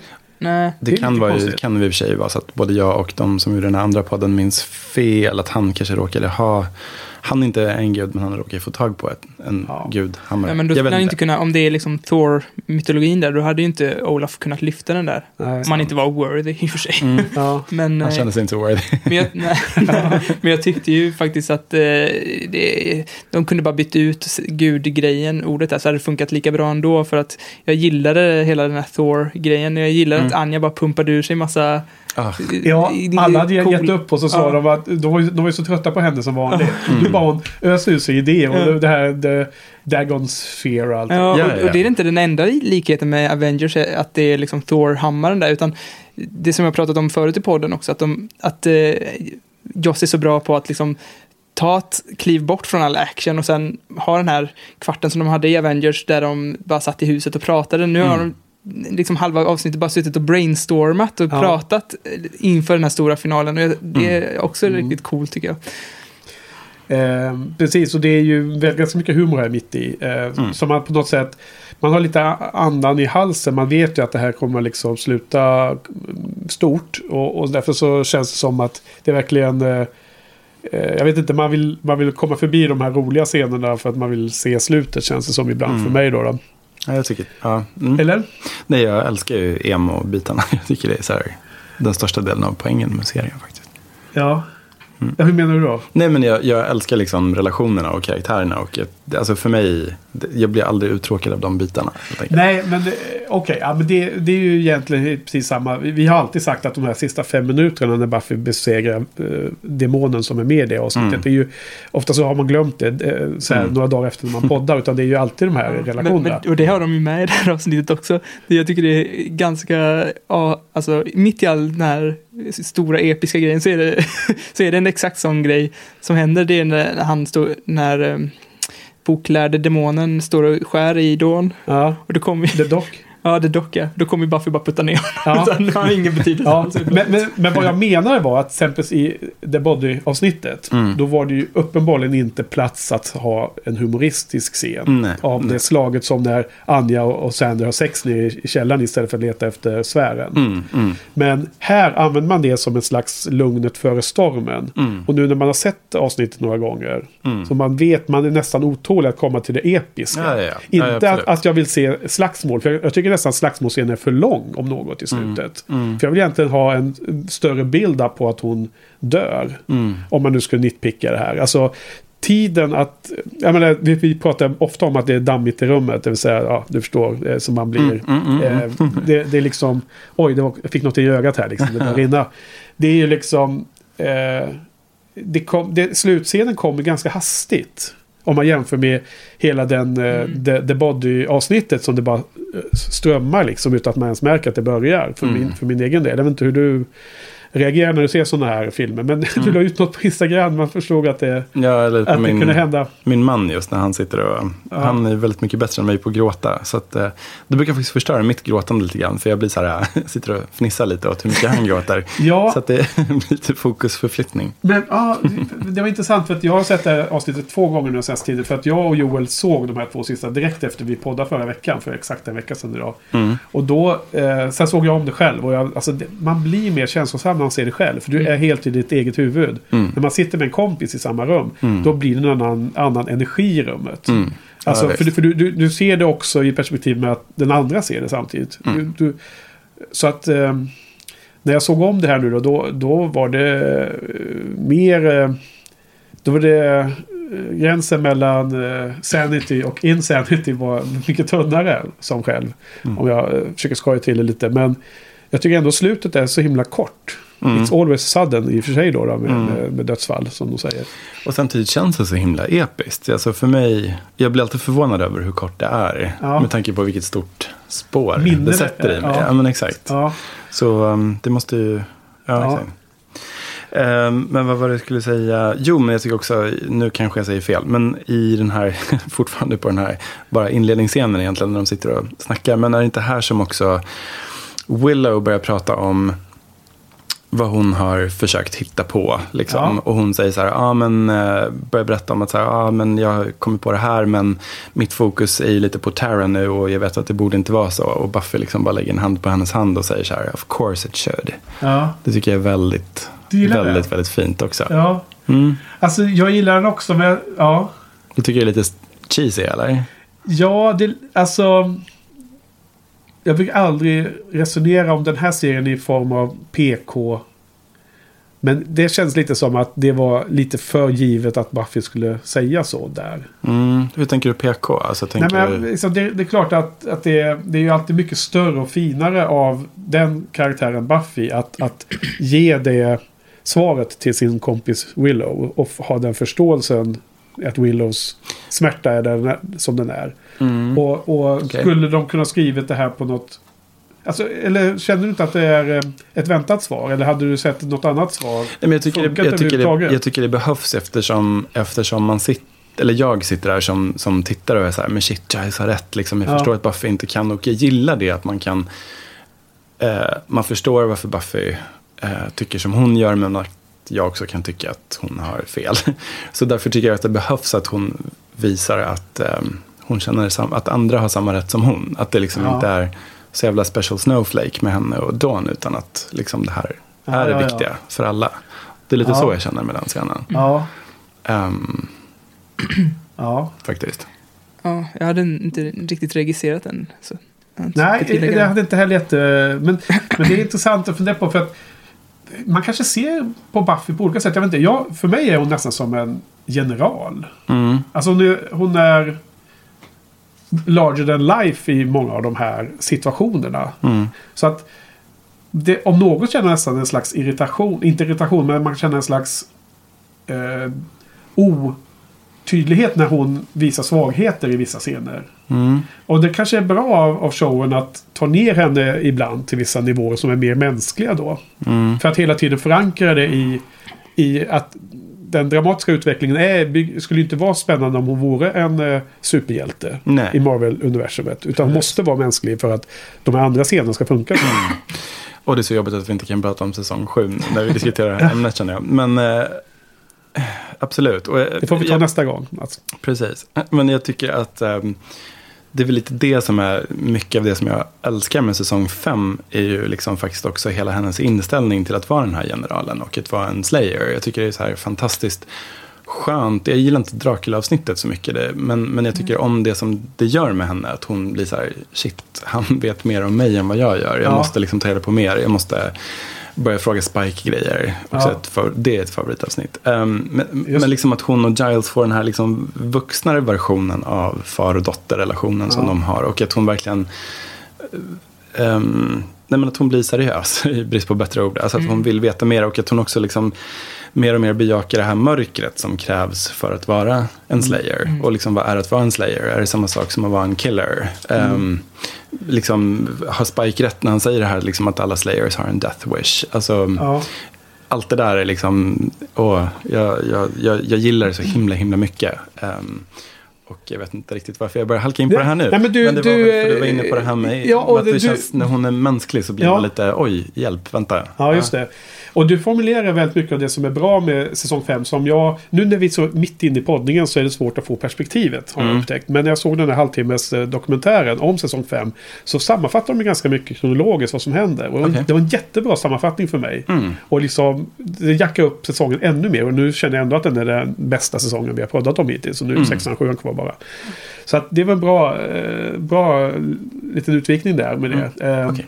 Jag tyckte jag. Eh, för, för, men, men det är i alla fall intressant. Ja, det, är det här som är så kul att ta in nya, nya perspektiv, nya gäster. Mm. Därför att alla har sina olika scener. Mm. Och, och eh, om vi bara poddar ihop så blir det två perspektiv, nu är det tre. Så att Mm. det är verkligen sånt som jag vill ha. Jag, jag hade Okej. inte tänkt jättemycket på den scenen.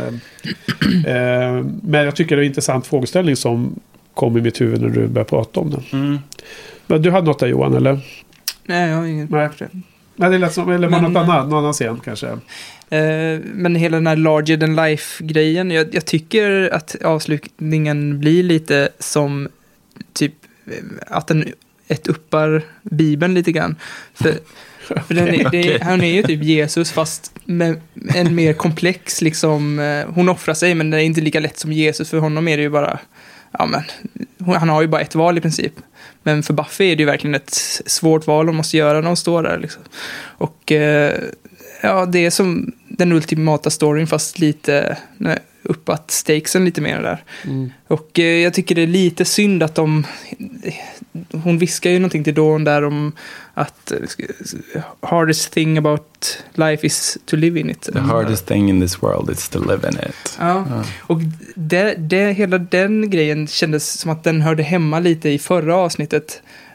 Just på grund av det här vi pratade om, att glorifiera självmord. Jag tycker det hade varit schysst att hålla allt sånt e- emo, eh, alla emo-grejer borta från det här avsnittet. Så att det bara blir liksom ett, en heroisk insats och inte för att hon mm, eh, mår dåligt eller så. Mm, fast det håller inte Jo. jag alls med om. Nej. Förlåt. Jag Nej. tycker det är tvärtom. Jag tycker att hon... Ja, förlåt. Vi kan komma Nej, men sen. vi, vi, tar det nu. Vi, vi, vi är framme vid alla, alla perspektiv är upp, open for Okej, consideration. jag, jag är hopplös. Jag har fortfarande grejer att säga om den inledningsscenen. Ja. Men, ehm, men jag tycker att det är uh, något väldigt ehm, fint i att det är på det sättet. Nej, jag tycker bara att det är väldigt perfekt det här slutet. Och jag tycker om att, gud förlåt, nu tappade jag helt tråden. Ja. Vi tar det sen. Ja, nej men jag, eh, jag bygger också vidare på det här slutet. Jag tycker att det är ju precis som ehm, den här The First Slayer säger i eh, öknen i eh, intervention-avsnittet. Att ehm, hon pratar ju om att Buffy har jättemycket kärlek. Mm, För Buffy är ju rädd för att hon inte kan älska längre. mm, Och att ehm, death is your gift. Och hon kopplar det också till love och det, de bitarna där. Och det är precis det vi får se på något sätt. Ju. Mm. Hon är inte heroisk i någon mening. Alltså hon skulle kunna kasta ner Dawn och vara lika heroisk i någon mening. mm. Men hon gör ju ett aktivt val att rädda Dawn för att hon är så... Alltså det ultimata te- eh, beviset på true love liksom. Är ju mellan henne och hennes syster i det här läget. Mm. Så att, alltså det är på något sätt, hon, hon räddar världen förvisso. A lot, men, men hon, eh, hon räddar framförallt Dawn där. Det är det jag Mm. ser i den scenen. Mm. Ja, jag med. Eh, Men det är just den kommentaren som man kanske kunde liksom skippat bara. ja. Så Fast att det, det, det, är lite, renare på något sätt. det är ju lite samma som, det är ungefär som Tom Hanks kommentar i slutet på um, Saving Private Ryan liksom. Till, eh, till, till Ryan där. Lev, lev livet nu. Mm. Eh, nu när vi... Lev för mig. liksom. Ja, liksom nu Mm. när vi... Alla de där där plutonen har dött här nu snart så får du leva för oss liksom. Det är lite samma eh, känslor som Ja, spelas upp. ja, men det är väl så kanske man ska tolka det. inte, Så, så, så. inte säga, säga åt de efterlevande att det, var, det kommer bli tufft för dig nu. Nej. det är tufft så att jag hoppar nu. Nej, precis, det är inte så jag tolkar det alls ju. Nej, inte jag heller. Det är ju snarare liksom bara att, ja men lite det som jag var inne på i början kanske också, att, att jag tycker så mycket om när Buffy inte sugarcoats it. Utan liksom Ja. säger att så här, det kommer att bli tufft nu. Men det är värt det. Och liksom så här typ, tänk, alltså lev för mig. Jag tycker det är väldigt fint. Och att det har inget alls att göra med någon slags death wish från hennes Mm. sida. Utan det är bara liksom att göra sitt jobb. liksom Ja. till Mm. yttersta gränsen. Ja, Eh, mm. ja så. men åter Mm. till, eh, vad hade du med där? Eh, Eh, jo, men jag bara tycker att det är så himla fint när Tara säger, när de ska låta Tara leda vägen och att hon säger till Giles, you're a killer. Ja, det, det är Eh, härligt. det är jättehärligt. För det låter ju också så här som bara en, ännu en random grej som Men det är Tara säger. Det är precis Men- som i eh, Objects in Space med eh, Jubal Early som säger till eh, Shepard Book där liksom. Okej, jag har ingen aning om vad Ja men slu- i sista avsnittet på Firefly. Ja, Som vi ja. pratade om tidigare. Okej. De säger också sån där random kommentar om att du är, du är liksom något annat än vad, vad det verkar som. Mm. Du är en killer.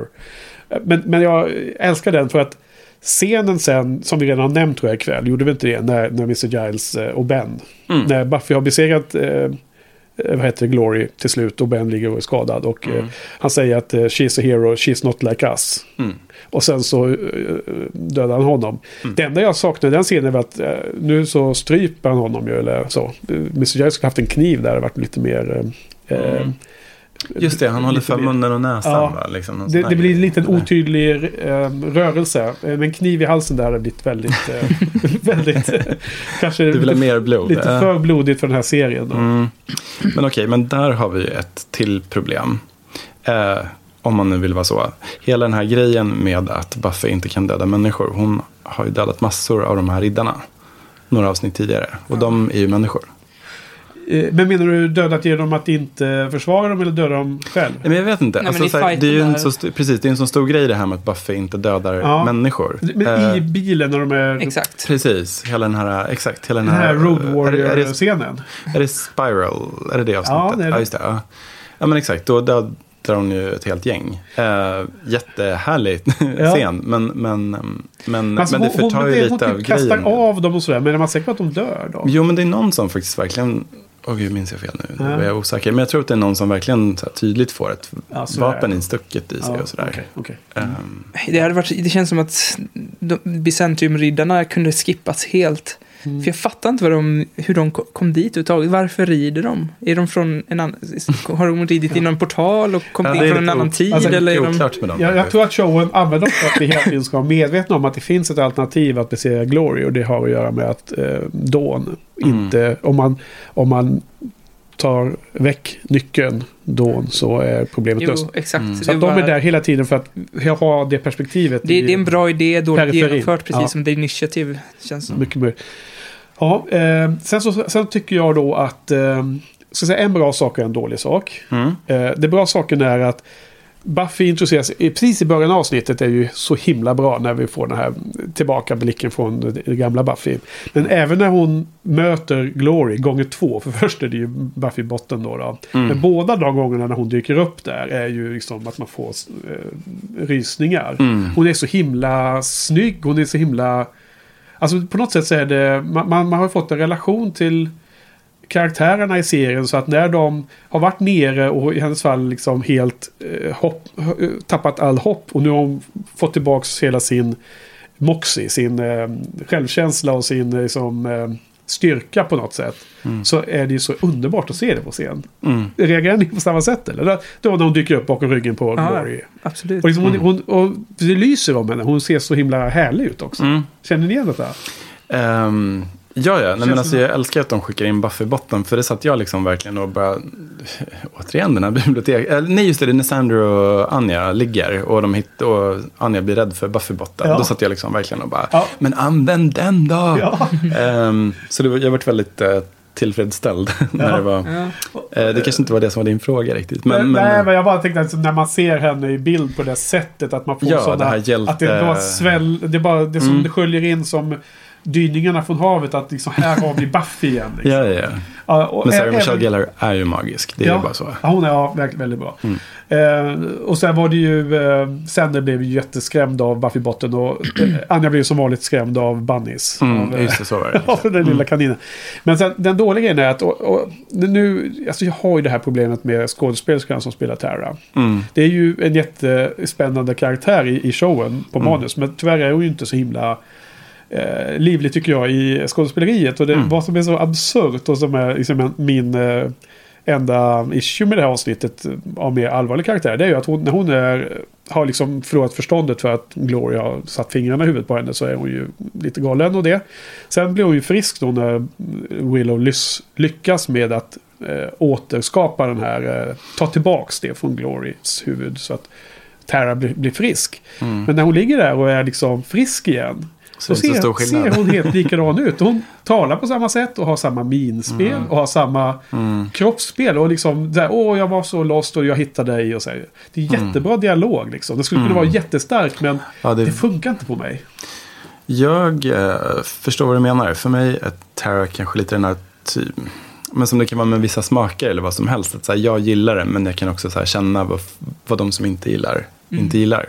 Ja. Okej, jag kan inte förklara det bättre än så. Ja, men men, Nej. men jag är väldigt förtjust i Terra. Men jag kan också se precis vad du Men det menar. är underbart att höra för jag tycker att det är ganska många som håller med när man väl säger detta. Och då, Mm. då får man inte heller något motstånd i den åsikten. Men Mm. eh, du... Fast det är väldigt, väldigt, väldigt många som älskar Amber Benson också. Mm. Alltså man har ju förstått att hon är... um, Hon nämns ju ofta som ett exempel på vilka bra skådisar Buffy har. Jaha.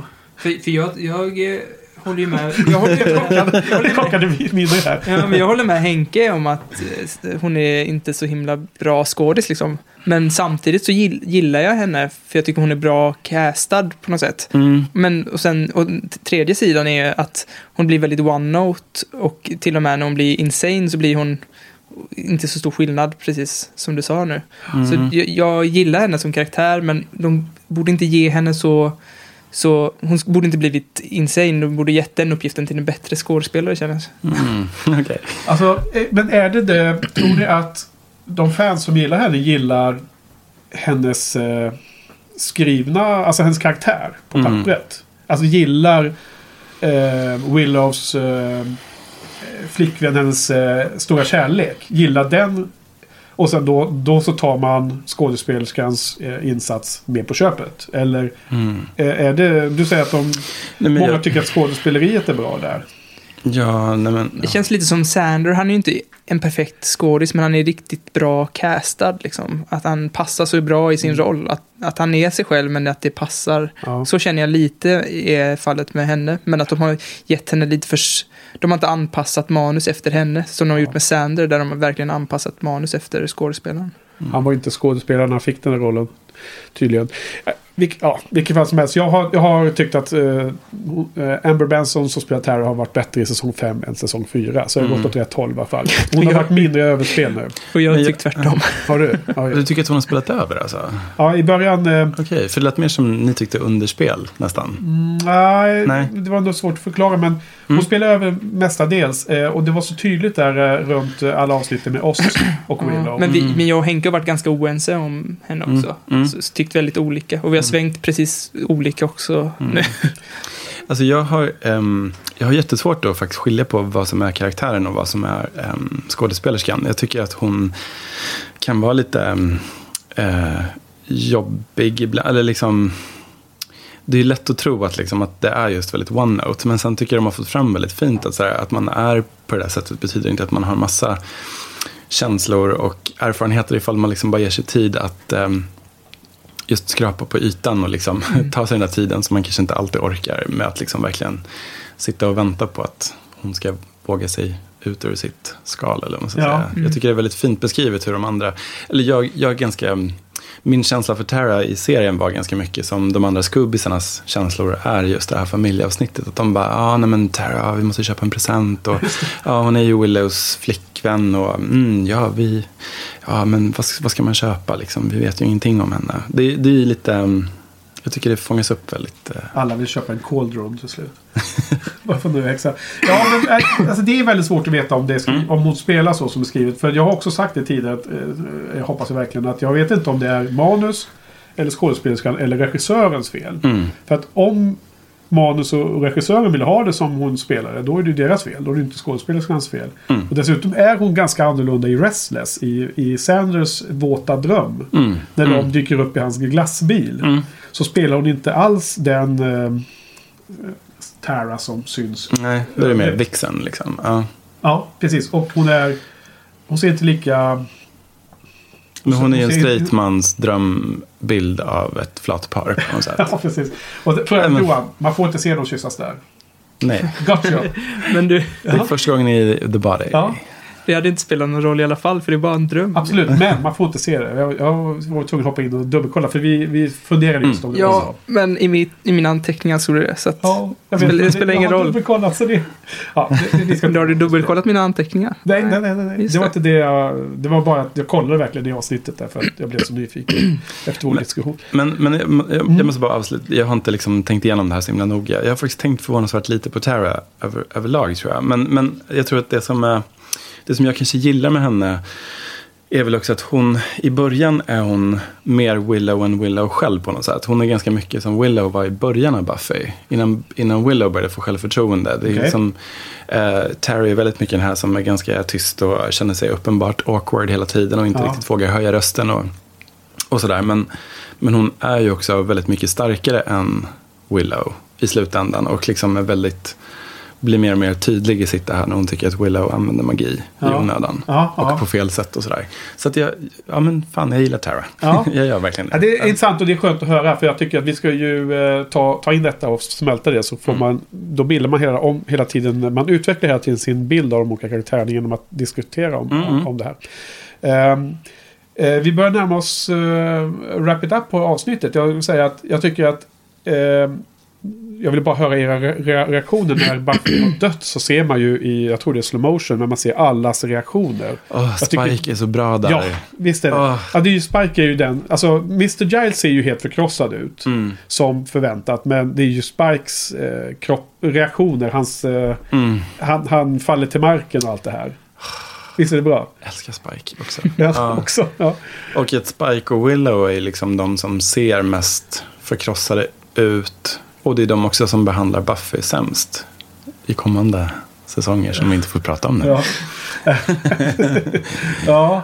Eh, Jag måste slänga ut en grej som Ja. jag hittade när jag researchade, eller jag researchade inte på det sättet. Men jag, men jag kollade runt lite för att, mm, ja, jag kollade runt lite och jag såg att det fanns en tanke om att eh, Giles skulle åka till London och att det skulle vara en brittisk BBC-spin-off om Giles efter säsong fem av Buffy. Okej. Vad säger vi om det? Jag säger att det hade varit helt awesome. Ja, ja, men är det Ripper-grejen då som ska... Eh, jag vet inte riktigt vad han skulle ha sysslat med, men det skulle väl vara hans liv i London och liksom Ja, Det känns ju som den. att han har en mörk sida där med att han tar de tuffa besluten och är the Ripper. Mm. Ja. Mm. Det har verkligen... Eh, från att han var den som alltid blev ner- knockad i början Mm. av säsongerna. När han blev knockad hela tiden. Eh, till att vara liksom, finns ett mörker där bakom. Eh, hade också gärna sett det. Men Mm. det hade varit från, eh, från nutid och framåt då. Det hade inte varit när han var ung eller sånt där. Vet du det Mats? Eller? Eh, nej, jag vet inte. Det var bara en väldigt så här, kort post om det på typ IMDB tror Men det skulle vara Anthony Head som skulle spela det. Absolut. Ja, okej. absolut. Alltså Ja. då skulle det vara liksom Jo, hans, exakt. hans vuxna jag. Ja. Ja, det, det hade man ju eh, gillat oavsett liksom. Då hade handlar haft om. ett antal serier att bolla Ja, samtidigt. den fjärde serien vi var där. Ja, eh, okej. Men då så... Eh, eh, har, har vi några mer saker ni vill ta upp? Jag börjar närma mig Jag slutet har, där. jag har lite småpunkter Mm, ja. som kanske egentligen rappar mina åsikter. Ja, Eh, Jag tyck- tyckte att avsnittet, efter att ha sett om den andra gång, hade väldigt många små fina ögonblick. Eh, eh, ja, som vi har tagit upp när Sandra och Anja hade den här panik, eller här, sex i källaren. ja. Eh, När hon arrived. Som hon, ja, exakt. Och sen scenen mellan Spike och Buffy när de, när hon bjuder in Spike i sitt Ja, Ja. det var ju så bra Och han också. säger, "Bara, det är lugnt, du kan bara kasta det över tröskeln Ja. så tar jag det. Och sen bara, nej men du får komma in. Och han berättar att eh, you've always treated me like a man. Ja, I know, never, I, never love me, but I know I'm a monster. Ja, precis. den, den scenen är super. Får vi nästan- Det har jag skrivit upp här också. Ja. Och sen eh, en scen som kanske du gillar. Det, var, eh, det finns en referens till, jag såg att du hade en tröja Nosferatu på dig. Mm, mm. Och han, tror det är Spike också som säger att eh, blood is life, precis som de säger i Nosferatu. Mm. Och eh, ja, det var en Blood fin... makes you hard. Ja, Just jag vet inte om det var med i Nosferatu, men, men eh, det var en snygg referens eftersom de har ju haft med Dracula också. Ja. Mm. Och han har ju tidigare pratat om Blood is life och med, med, med an, anledning av Angel och, och Buffys relation. Mm. I, I säsong fyra. Eller tre. Nej, men jag håller med, det finns jättemånga sådana här fina stunder. Jag tycker också om när, när, när, när Sander säger så här, ah, men så här, smarta tjejer är så himla heta och Willow bara, ah, men kunde du inte ha kommit på det i high school? Ja. Tionde. det är det som är så fint med, mm, alltså dels när man har den här långa, långa relationen som man har vid det här laget till karaktärerna, men också Ja. att Joss är så himla bra på att hitta de där grejerna som påminner om just det där, hur långt man har Ja. kommit och hur mycket, hur mycket det finns där. Mm. Men det är helt fantastiska karaktärer som har utvecklats så långt nu. Alltså du börjar nästan bli lite små nostalgisk redan nu. Slut på säsong fem bara, Johan. Mm. Eh, så hur det kommer bli sen. Men eh, ja, mm. mer. Eh, ja, det var nog, det, vi har tagit upp den här lilla knuffen från pelaren, som den skrev jag upp också där. Men eh, när han, eh, The Duck, blir nerputtad Mm. där, Just det. Ja, som ingenting. e- exakt. Eftersom först så blir det lite fight med, med eh, Spike. Ja, Men sen när Buffy kommer så blir det så himla... Det är också en Joss-grej. att han, han, han, det är precis som när... eh, bazookan Det är precis som när Hulken slår... Eh, eh, Puny Gods. Ja, och i första Avengers-filmen. Ja, eh, vad heter han? Eh, Ja, det är så still i huvudet. Ja, det är någon halvgud. Hiddleston, vad heter han i... Thor. Eh, nej, nej, nej, ja, ja, Loki. Loki. Eh, Loki, ja. Det, När eh, Hulken liksom... Man tror att det skulle bli en eh, lång eh, slagsmålscen för att eh, Loki höll på att prata så här högtravande och så, så blir han bara krossad av eh, Hulken i ett svep. Liknande när The, The, The Judge blir nerbazookad i det avsnittet när hans kroppsdelar var utspridda Ja, just det. Just det. i kontinenten. Ja, man, man börjar se vilka saker som Joss eh, gillar. Och det finns faktiskt en... Orkade med en referens till Firefly till. Mhm. Det finns en scen här i, i denna, tror jag väl att det är. Och det är just det, det är ungefär i mitten av avsnittet så får man se en shot underifrån på Dawn när hon ligger på ett, ett eh, metallgaller Just och gråter. Mm. Det är nästan taget exakt samma shot på Mal i början av Out of Gas. Mhm. Världens bästa tv-serieavsnitt då. För när, när någon... Eh, Jag måste se om. Ja. Eh, när Johan pratar om The Body så har jag funderat sedan dess Johan, när, vi, när du kom in på det här. Vilket är världens bästa tv-serieavsnitt? Out of det börjar med att Mal ligger och blöder, droppar ner. Det är så himla likt den här scenen. Mm. Okej. Som när man ser eh, Dawn från där underifrån. Och jag, jag, så jag, jag inbillar mig att Joss gillar vissa saker. Vissa scener, vissa liksom, moment i scenerna som Mm. han återanvänder lite då och då. Jag tycker det är helt okej. liksom. Det är inte, det är inte eh, svagt att, att ta tillbaka de elementen. Utan det är hans favoritbyggstenar för att bygga upp stories. Som författare så försöker man ju trösta sig själv med det ibland. Att man känner så här, men gud, jag har inte gjort det här förut. Och då är det så här, mm, fast det är ju liksom min, eh, det är ju lite tematik i mitt författarskap kan vi kalla det för. Ja. Istället för att jag gör om saker. Ja. Ja. Och jag tror också att fansen gillar det. Liksom. Ja, men jag, absolut. precis som Sofia kritiserar de här kli- ironiska klippningarna hela tiden, där man klipper mellan scenerna på ett oväntat, Man väldigt, säger någonting och, och så blir det tvärtom i nästa klipp. Ja. Och sånt där. och det blir väldigt väntat. Det oväntade blir väntat efter ett tag, men Mm. man känner ju att det är hans stil lite grann, att man känner sig att man är lite hemma hos, hos Joss när man Ja, Mm. ser de här scenerna. Det är väldigt klassiskt. Ja, ja okej. Men eh, vad, vad, vad tycker du är här för någon betyg då? Men det här är ju en tia. Ja. Det är det ju. Det, jag menar, ja, en Härligt. tia. Minst. Tia. minns. hur, hur, många, hur många så här bra avsnitt finns det på hela serien tycker du? Är det ett, fem, tio stycken? Tior? Um, alltså... äh, Alltså det finns många, men jag vidhåller att det här är liksom gåshudsavsnittet för mig. Det, jag, för mig, rent känslomässigt så är det här nog favoritavsnittet faktiskt. Okej. Till och med mer än musikalen eller The Body. Ja. Eller ja, säsongsavslutningen på tvåan. Ehm, Jaha. ja, nej, nej. Det Mm. här är nog favorit. Tror Ja, jag, alltså, de här betygen är ju kul att följa upp på ett sätt men det är väldigt, väldigt svårt att visa sig. Och om jag skriver liksom lite i nuet utan att egentligen känna in eh, avsnittet när jag landat mycket mer som kanske tar några fler dagar. Mm. Såg jag det här ganska nyligen då. Så jag skulle säga att det är precis under 10. Alltså en stark 9 skulle jag säga. Vad säger du? Jag hade ju satt en åtta på den här. Oj. Nej, Efter jag, precis efter jag såg den. Men efter att ha sett om det och efter att ha pratat om det ganska mycket nu så känner jag nästan att det är nog en nio ändå. Så jag sätter nio. Ja, Nej, men alltså jag, det är superbra men det är... Eh, jag tror att det, det just nu i betygssammanhang så lider lite av den impact som The Body gav. När jag Mm, såg det, den här, den här genomtittningen. Och då får man, det blir en, en, en relativ skillnad där. Och hur uttrycker Mm. man det om inte på det här sättet? Ja, men eh, som de pratar om i The Dusted, det är ju verkligen det mest buff om man ska sammanfatta Buffy liksom med ett avsnitt så är det ju det här avsnittet. För allting som är bra med Buffy finns Ja. ju representerat här. Body är ju verkligen inte det, ett Buffy-avsnitt. Men, Nej, nej. men det är fortfarande Ja. favorit för det. Men du, vi, eh, vi tar och går vidare tror jag. Vi har en, eh, en sektion kvar där vi ska sammanfatta säsongen också. Lite Det kort. här ska bli så kul att se vad ni säger. Ja, så att eh, vi tar en kort paus här. This is how many apocalypses for us now? Oh, uh, well, six at least. Feels like a hundred. I've always stopped them. Always won. Yes. I sacrificed Angel to save the world. I loved him so much. But I knew. I was right. I don't have that anymore. I don't understand. I don't know how to live in this world if these are the choices. If everything just gets stripped away. I don't see the point. I just wish that.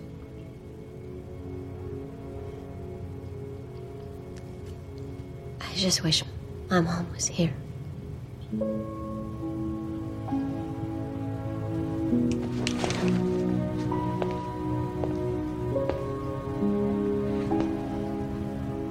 Spirit Guide told me that death is my gift. Guess that means a Slayer really is just a killer after all. I think you're wrong about that. Doesn't matter. If Dawn dies, I'm done with it.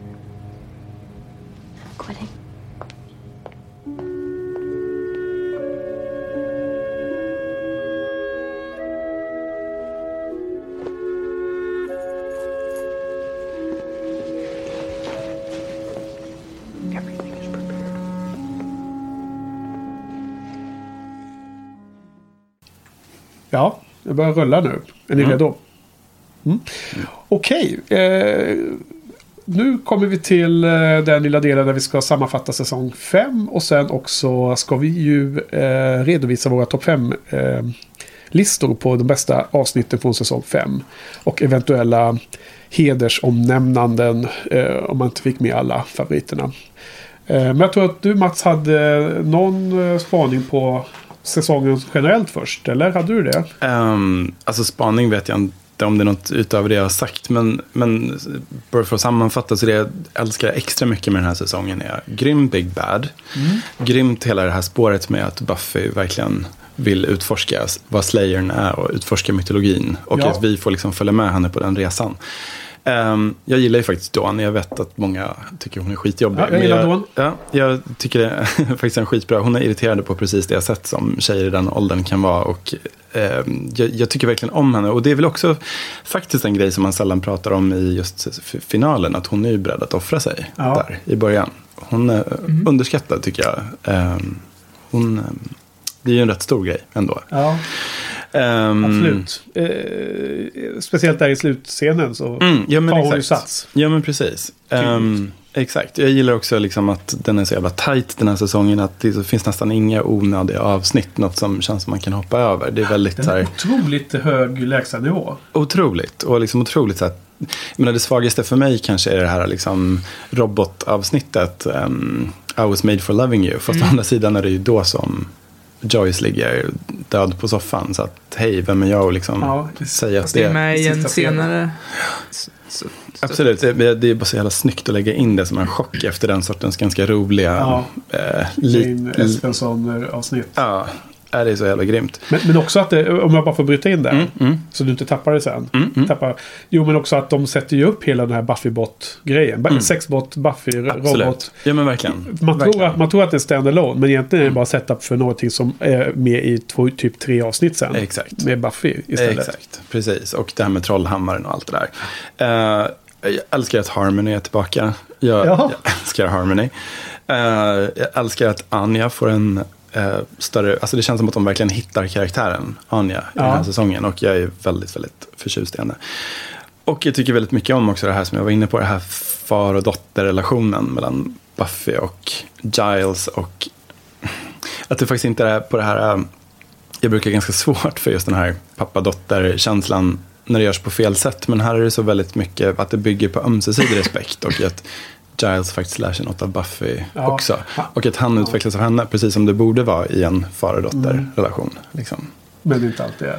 Precis, i alla fall inte Precis, inte det som man brukar i tv-seriesammanhang prata om far och dotterrelation. För det Nej. brukar ju vara lite mer... eh, Men, Hon, han behandlar verkligen henne som en vuxen. Det är ju tydligt. mm. Och att, ja men precis, och att han också liksom utforskar tillsammans med henne. Så här, hur ska man, hur ska man liksom fixa, det, fixa ett liv inom ramarna för vad ödet har försatt den i. Liksom. Ehm, Ja. Så, så, så ja, ja, men det är den här säsongen som gäller för mig. Ja, jag håller med om att alla, karak- alla karaktärerna har verkligen utvecklats i rätt riktning. För att Mm. I många säsonger så är det alltid någon karaktär som jag har... Så här, jag tycker Willow ibland har stuckit iväg och blivit inte sin karaktär riktigt. Och även Sander har varit irriterande. Och, Sandra har varit jätteirriterande. Han är ju liksom vänner Ross i Buffy-universumet ibland. Liksom. Fast absolut inte lika hemsk. Men, Nej. ja. mm. nej, och, och de har liksom... Hem, det är ingen karaktär som jag riktigt stör mig på längre. Så som jag gjorde på Sander till exempel. Eller, och man klippte bort eh, Riley helt, vilket var rätt nice. Ja, Verkligen. Den var bortom räddning så det var lika bra. det känns som att han, de bara kom på plötsligt att han funkar inte. Nu får han Nej, åka iväg i på- helikopter. på extra- Men jag tror faktiskt att det var lite så va? Ja, på Varför? extra materialet så lät det ju som att så, nej, men det, Ja. det fanns ingen kemi med någon i, i, i Scoobys-gänget. Liksom, så vi, Mm. Sen intervjuar de den skådisen ganska mycket ändå, då, Lucas. Jag, jag, kan, eh, jag håller med allting. Jag tycker att den här säsongen är fantastisk. Och mm, det, det är så lustigt att jag inte riktigt hade de här minnena med mig. Eh, och det får jag ju fundera på själv då. Men nu, nu känns det otroligt eh, revitaliserande att känna så här runt femman. För det gör att Mm. förväntningen inför sexan blir ännu större på något Mm. sätt. Mm. Eh, jag, kan, jag, jag håller med allt ni har sagt faktiskt. Eh, jag gillar Dawn och så vidare. Eh, jag kan känna att om något så skulle jag vilja sett ännu mer av eh, Mr. Giles och Buffy. Mm. Allt det där som du nämnde finns ju där. Jag tycker att man skulle ju kunna ha gjort ännu mer kanske. Mm. Okej. Mm. Ehm, för jag älskar det här mytisk, mytologiska. Att det, liksom, det, är så här, det var så här fantasy-epos. Stuket över det hela lite också. Mm. Alltså mer runt eh, den här relationen som är också far och dotter. Men det är ju också Watcher och Slayer liksom. Mm. Och den biten. Och, ehm, till exempel den delen när de är ute i öknen. och Jers håller på med den här runda Hokey instrumentet. pokey and you turn yourself around. Det är faktiskt... Ja. Eh, och liksom eh, de träffade First Slayer, eller hon träffade First Slayer. Alltså, jag älskar den sådana inslag. Och har Mm. gärna sett ännu mer av att, att de liksom utforskar den världen ihop. Mm. Mm. Eh, men det är ingen kritik mot säsongen utan bara att man skulle vara ännu mer av det goda liksom. Mm. Mm. Ja. Du är en gottegris helt enkelt. ja, jo precis. Även om jag har godisluften nu att inte. Ja. Det bara när vi har gäster här som fika. Jag har slutat fika med Johan bara. Det- Ja, och därför passar du på att bulla upp lite extra. Ja, men, precis. ja, jag är tacksam. Ja, eh, Okej, men eh, ska vi gå vidare? Vad heter det? She could have killed me.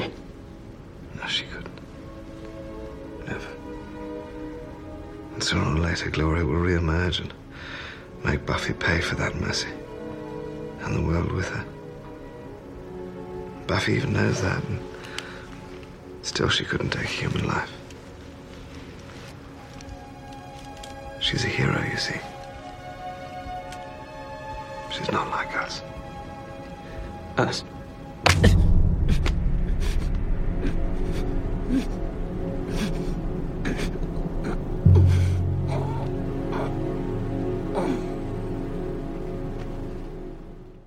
Vi har våra topp 5-listor. Så om vi kör så att eh, vi börjar du Johan. Och sen så tar vi femman, sen fyran, sen... Alltså vi, vi tar eh, Baklänges. eh, baklänges och en var i turordning. Så får vi se om det blir dubbletter, det kan hända och sådär. Okej, men får jag bara liksom lägga in en liten... Ja, Jag kunde inte välja bara fem avsnitt, så att jag, jag valde fem avsnitt förutom de två vi har pratat om. okej. För egentligen hade ju liksom finalen legat etta för mig, men Fuska lite. jag fuskade lite, jag gjorde min egen Ja. regel. Vänta. Men... Eh, Ska jag, ska jag skärpa mig? Ska jag välja Nej, bort nej. något annat? Mm. Jag har också fuskat nämligen. Okej. så jag, kan inte, jag kan inte tvinga dig. Men, men du hade inte haft med 21 på topp 6? Uh, nej, Det det var hade jag inte nog det inte. Det lät nej. inte så på det. Nej, precis. Nej, men det så hade du har topp ett... 6 kan vi säga? Mm, Okej. Precis. Jag menar, eller jag har... Ja, ja exakt. exakt, Ja. exakt. Mm. Men då får du ta sexan och femman i första rundan, eller? Har du också en topp 6? nej, det, Nej. Eller, nej det, Du har hållit disciplinen. ja. jag, är inte, jag är inte... Jag är så himla dålig på listor. Jag, jag satt och... Först så satt jag hemma och skrev den och sen när jag satt på tunnelbanan, så, eller på pendeln, så satt jag och skrev om den. Och sen nu, nu har jag suttit här så jag tänkte om igen Ja, faktiskt. och det här är så roligt. Mats också. För Johan skriver om sina listor. Någon gång skulle om det mitt under redovisningen, kommer du ihåg det? Ja, ja. Så kom, oj då, den här hade jag ju flyttat på och sådär. Så det, det är en del av... eh, Men tar ni det här i kronologisk år, eller liksom verkligen topp Ja. sex då som, man börjar med Ja. sexan, tycker man är Jo, lite absolut. minst bra av dem, eller? Mm. Det, Men det är så jag, det är tänkt? okej. jag kommer ju inte kunna stå för den här listan, men det är Men, så. men vi kör sådär. På plats nummer fem, Johan. Den skrev jag faktiskt först. Jag började med femman. Jag satte triangle där. För eh, Eh, vänta nu, det är alltså när Anja och eh, ja, det är egentligen bara... Willow eh, bråkar för att båda är har, Olaf. har, har eh, Sander också. Ja, det är Olaf the Troll avsnittet. Mm. Och det, det känns det. som att den är lite underskattad och eh, det känns som tagen ur säsong två nästan. Fast de har tagit bara det bästa från säsong två och tagit med sig det till säsong Okej. i säsong det. fem-mallen. Det är ett Monster of the Week, men det är i, Och det på får, allra bästa det sätt. får ju betydelse också senare i säsongen. Ja, det är sant. Som vi och, tänker på. och eh, det är väldigt roligt och det, det Ja. är inte så himla tungt. Det känns som, som en liten fläkt i det, allt det tunga i Ja. säsong fem. Ja, Så jag, jag tog med den för den kändes lite underskattad. ja. Och det är mycket Anja också. Ja, och Ja, Anja är är underbar. roligt, så. ja. Eh, förresten, har du, har du sett om hela säsong fem eller går det mest på minnen? Eh, Jag såg faktiskt om, jag passade på på bokmässan när man ju blir helt eh, koko. Eh, så när alla andra fräsiga författare gick till eh, park och söp och minglade så låg jag hemma och kollade om säsong fem för det här. Det var väldigt skönt. ja, ja, men det är ju supersolid. Eh, Just det, för du var där nere förra veckan var det va? Mm, precis, Ja. exakt. Eh, så, men hur har du gjort, eh, gjort din lista nu då? Du nämnde att du hade på något sätt redan... det är Man var så självklar. Ja, precis. Det är lite av en mess. Hur ska vi göra då? Ska jag, ska jag räkna den som ett? Det, får- det får vara min etta. Jag Ja. spoilar min egen lista, det är ettan. Men då har jag en topp sex i så Ja, fall. men då får du köra... Du, Eller vänta, vi kan göra så här. Vi kan så här. Jag kan säga jag kan flytta en till hedersomnämnande faktiskt. Och så, Okej. så det blir en topp fem. Jag vill ändå vara, jag vill följa, följa reglerna. Okej. Okej, men då säger jag att min nummer fem är Intervention. Ehm, med just den här questen i öknen och Ja. Buffybotten gör entré. Ehm, för jag tycker, alltså jag tycker om allt det där, men jag tycker också väldigt mycket om den här scenen när Spike blir torterad av Glory och Ja. faktiskt inte avslöjar vem eh, The Key är. Och eh, är jätteförtjust i den här slutscenen när eh, alltså Buffy är skitarg med, med goda skäl. Eh, men hon har också insett att han faktiskt är att lita på. Så att hon går dit som Buffy-botten. Ja. Och Ja, nej men gud, det är så smaskigt bara. Hon tar Eh, reda på att han verkligen har hållit tyst. Precis, Och sen, exakt. Först, är det deras första kyss som är... Som ändå inte... Ja, precis. Det är Där inte en kyss liksom. Det är en liten, pussar honom. en liten puss, exakt. Det är någon slags gör det ömhetsbetygelse. Ja. Hon gör ju det... Eh, självmant liksom. Gör Precis, det för exakt. att visa känslor mot honom. Exakt. Mm. Jag, ja, mitt hjärta smälter. Ja, jag, också den, jag tycker den scenen är sensationell. Mm. Eh, Okej, vi får höra din. Jag, jag har ju då alltså brutit mina egna regler här nu då. Eh, i, I god filmspotting-anda så har jag faktiskt en oavgjord på plats fem. Okej. Jag kunde inte separera de här. Och det är ju intervention det ena. Mm. Och det andra är ju checkpoint. Mm. Jag tycker båda de här är så himla centrala för utvecklingen under, under säsongen. För checkpoint är ju då, du har redan sagt lite vad intervention, men checkpoint är det när eh, vad heter, Quentin och de från The Watchers Council dyker upp och ska Mm. kolla av eh, Buffy att hon är värdig nog att få information om Glory. Mm. Och sen vänder hon på steken där och hennes eh, tal där i slutet och hennes eh, relation med, eh, med eh, Mr. Giles när han... Eh, alltså ögon... Inte bara det manusskrivna utan allt det som spelas där och man ser i rummet. Ja, underbart avsnitt. Och icke att förglömma slutrepliken She's a God. Ja, Ja. ja. så himla bra slut ja. Och liksom det här eh, re- retroactive och allt det där. Mm. Så det är, jag, hade, jag kunde inte splitta dem faktiskt. Eh, Mm. Så det är fusk. Mm. Nu, plats nummer fyra Johan. Eh, mm. intervention eh, är plats nummer fyra. Mm. Eh, det enda som egentligen saknas från det, alltså från hela, egentligen hela säsong fem där är ju varför Spike är som han är. För att han är ju inte en ren vampyr liksom. Han har ju någon slags själ och kan älska och sådär. Det hade varit nice att utforska det lite mer än att the judge säger du stinker människa. Ja. Det är typ det enda vi har, ledtråden vi har fått till att det är något speciellt med Spike som gör att han inte är bara ren vampyr liksom. Ja.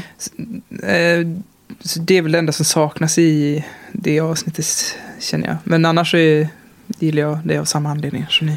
Det är så himla roligt då att vi alla tre har med det. Det är ju eh, otroligt bra avsnitt. Eh, Mm. vad, vad har du för tagning på att, att Spike kan älska? Är han en vampyr egentligen?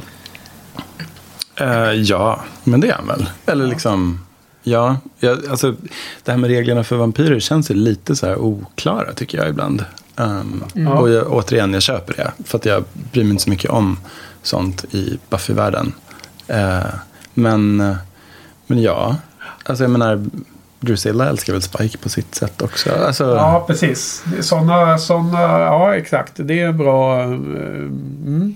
Ja, men det är väl det att man, jag känner mig lite dålig som gillar honom så mycket. För att han är ju som, röv liksom. Det hade varit nice med någon liten förklaring till varför han är så, har så lätt att döda folk. Alltså. Eh, Det är lustigt att han nästan alltid har rätt i säsong 5. Buffy är Mm. jättearg på honom, men han, Mm. han säger alltid sanningen. Han är nästan lite en cordy sanningssägare som egentligen Absolut, Anja har tagit faktiskt. över. Absolut. Men han Ja. också är en sån. Ja, jag gillar honom mer och mer. Men jag, precis som förra gången så kommer jag ihåg att jag hade issues med att, att förlika mig med att, att han är, har den rollen som han har nu då.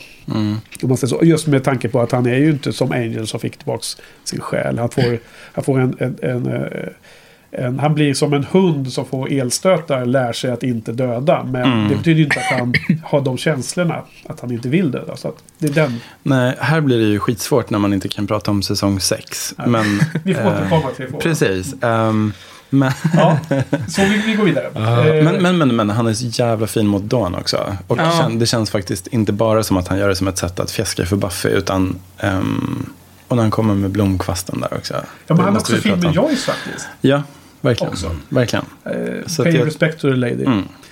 Okej, så din fjärde placering då? Eh, nu ska vi se vilken jag ska välja då. Ehm, för jag hade inte riktigt tänkt på det. här, Men jag säger väl checkpoint helt enkelt. Eh, det väl, får väl vara min fyra då. Jag också... Alltså just den här grejen med att Buffy blir så otroligt trängd från alla håll i det här avsnittet. Att liksom... Eh, det är liksom alltid från den här professorn på, på det här college-lektionen som, som liksom... Ehm, eh, så att, alltså, Om vikingarna och Columbus. Och Precis, och hon, hon, hon liksom ställer obekväma frågor och får skit för det. Det är liksom så Spike som pratar om att hon inte kan behålla någon. Ehm, rådet som kommer för att testa Glory eh, kommer ju hem till henne första gången och Ja. verkligen hotar hennes familj och vänner. Um, alltså alla försöker få henne, riddarna dyker upp första gången, alltså alla försöker på något sätt få Buffy att känna sig obetydlig och, Ja. och hon gör det också. Tills hon inser att så här, men hallå, utan mig så Badass. sitter ni bara hemma och kollar på Masterpiece Theater. Det är ju awesome. Och det är verkligen så här, om man ska prata om Buffy som medicin eller självhjälp så är väl det här det ultimata Ja. avsnittet. Ja, Mm. alltså kul. Ehm, återkommer lite samma titlar, men det brukar göra det. Eh, min fjärde är Fool for Love. Mm. Det är ju när Spike, när vi får se Spike döda två Slayers och allt det där. Och eh, den där eh, Angel och Drusilla och eh, alla dyker upp. Mm. Eh, och just att det finns det här andra avsnittet Angel också för övrigt. Mm. Serien, säsong två. Men det, det, det är bara som en uh, bisats. Jag tyckte att det var um, bra av många skäl. För mig lite, lite det här... eh, det känns väldigt episkt att se. Jag reagerar ganska hårt på när man ser Spike döda Slayers. Det känns eh, i maggropen att, att eh, det, det är liksom väldigt elakt. Upplevde jag det som. Jag är inte bara fokat på Buffy uppenbarligen utan mer som hennes medsystrar i den Mm. linjen av Slayers liksom. Och han gör det på det här jaga troféer-sättet också som är jävligt äckligt. Ja. Eh, exakt, han han gör det mer av, av bara för att vara jävlig liksom. Bara ja, för att, eh, för att det är någon slags... Ja, men precis. Att det är någon slags... Eh, lek från honom. ja, eller någon slags macho-grej. Ja, liksom. han vill vara Big Bad. Ja. Ja. Eh, men jag... Mm, Det är lustigt att det är så annorlunda än Angel egentligen. De två karaktärerna som onda. mm, Eh, han är mycket mer utstuderad Angel och allt det där. Mm. han, han, han tycker det en bra känsla när folk mår dåligt. Liksom. Spike mer vill vara tuff och Big Bad. Mm. Går och sätter sig på, på pub och dricker mer öl och sen bara döda lite till. Ja, Mm. ja men Full for Love är min fyra. Mm. Eh, på tredje plats då, Bronze. Johan. Eh, checkpoint har jag tagit där. Ja. Och eh, skrivit ungefär samma sak som Matsen. Men det, jag, jag gillar den här metainsikten i slutet också. Som, att, han, eh, det, som är i många avsnitt. Liksom, att hon förstår att det är ju bara snack Ja. mest. Mm. Att de här machosnacket. Så Ja. hon, hon är den tuffaste i gänget egentligen. ja. Och liksom också, jag vet inte om hon säger det rent ut, men den här känslan av att om ni lägger ner så mycket energi på att göra ner mig så måste det betyda att jag är viktig. Ja. ja.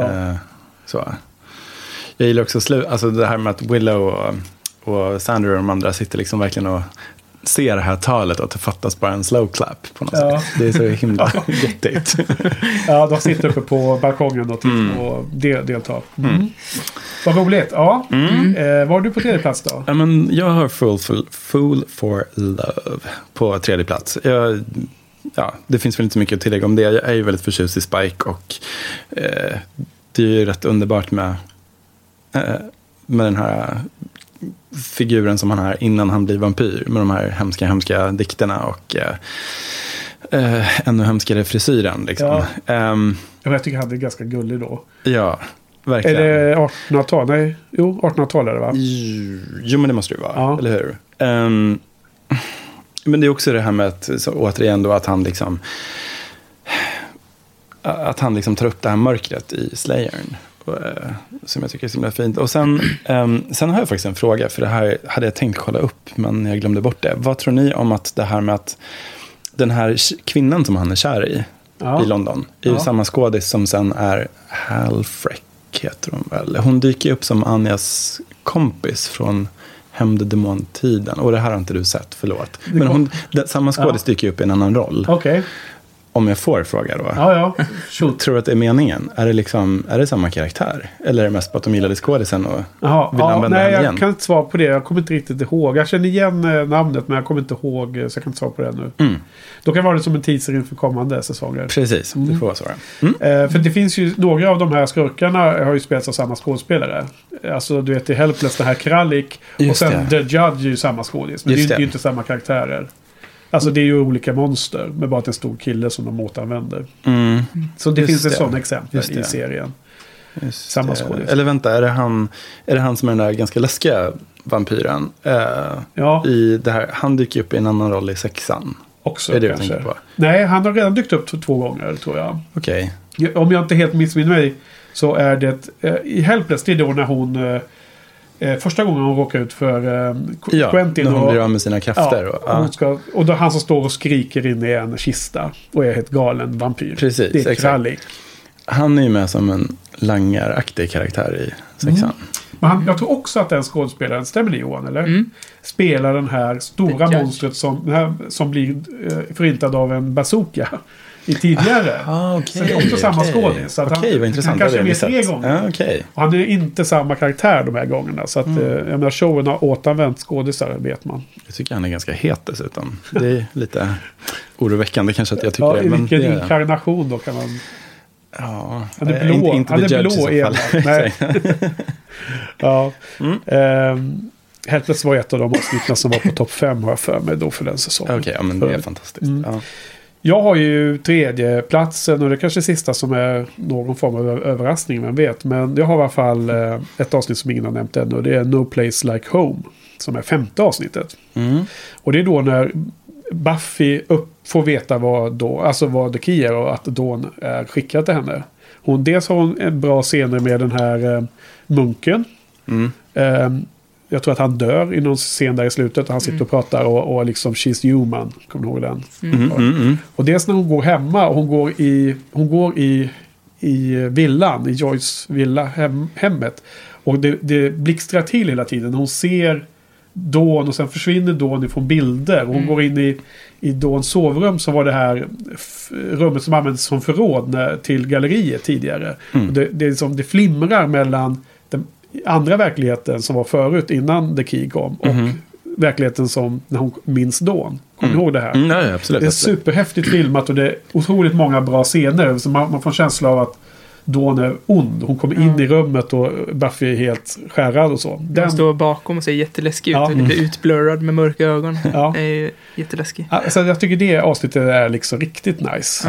Ja, jag håller med. Det höll på att hamna på min alldeles för långa topplista. Ja. Jag, mm, mm, mm. Och eh, det kan jag shout-out till Patrik. Jag är nästan säker på att det var det avsnittet när Patrik var med och, och vi hade honom som gäst här. Och att han eh, hjälpte mig se eh, de styrkorna i det avsnittet. Som, man, som en effekt av att sitta och prata om, om avsnitten är att man ibland växer och så. Mm. Vissa avsnitt som man inte tänker på själv. Absolut, så det är jättes, absolut. jättekul som bieffekt.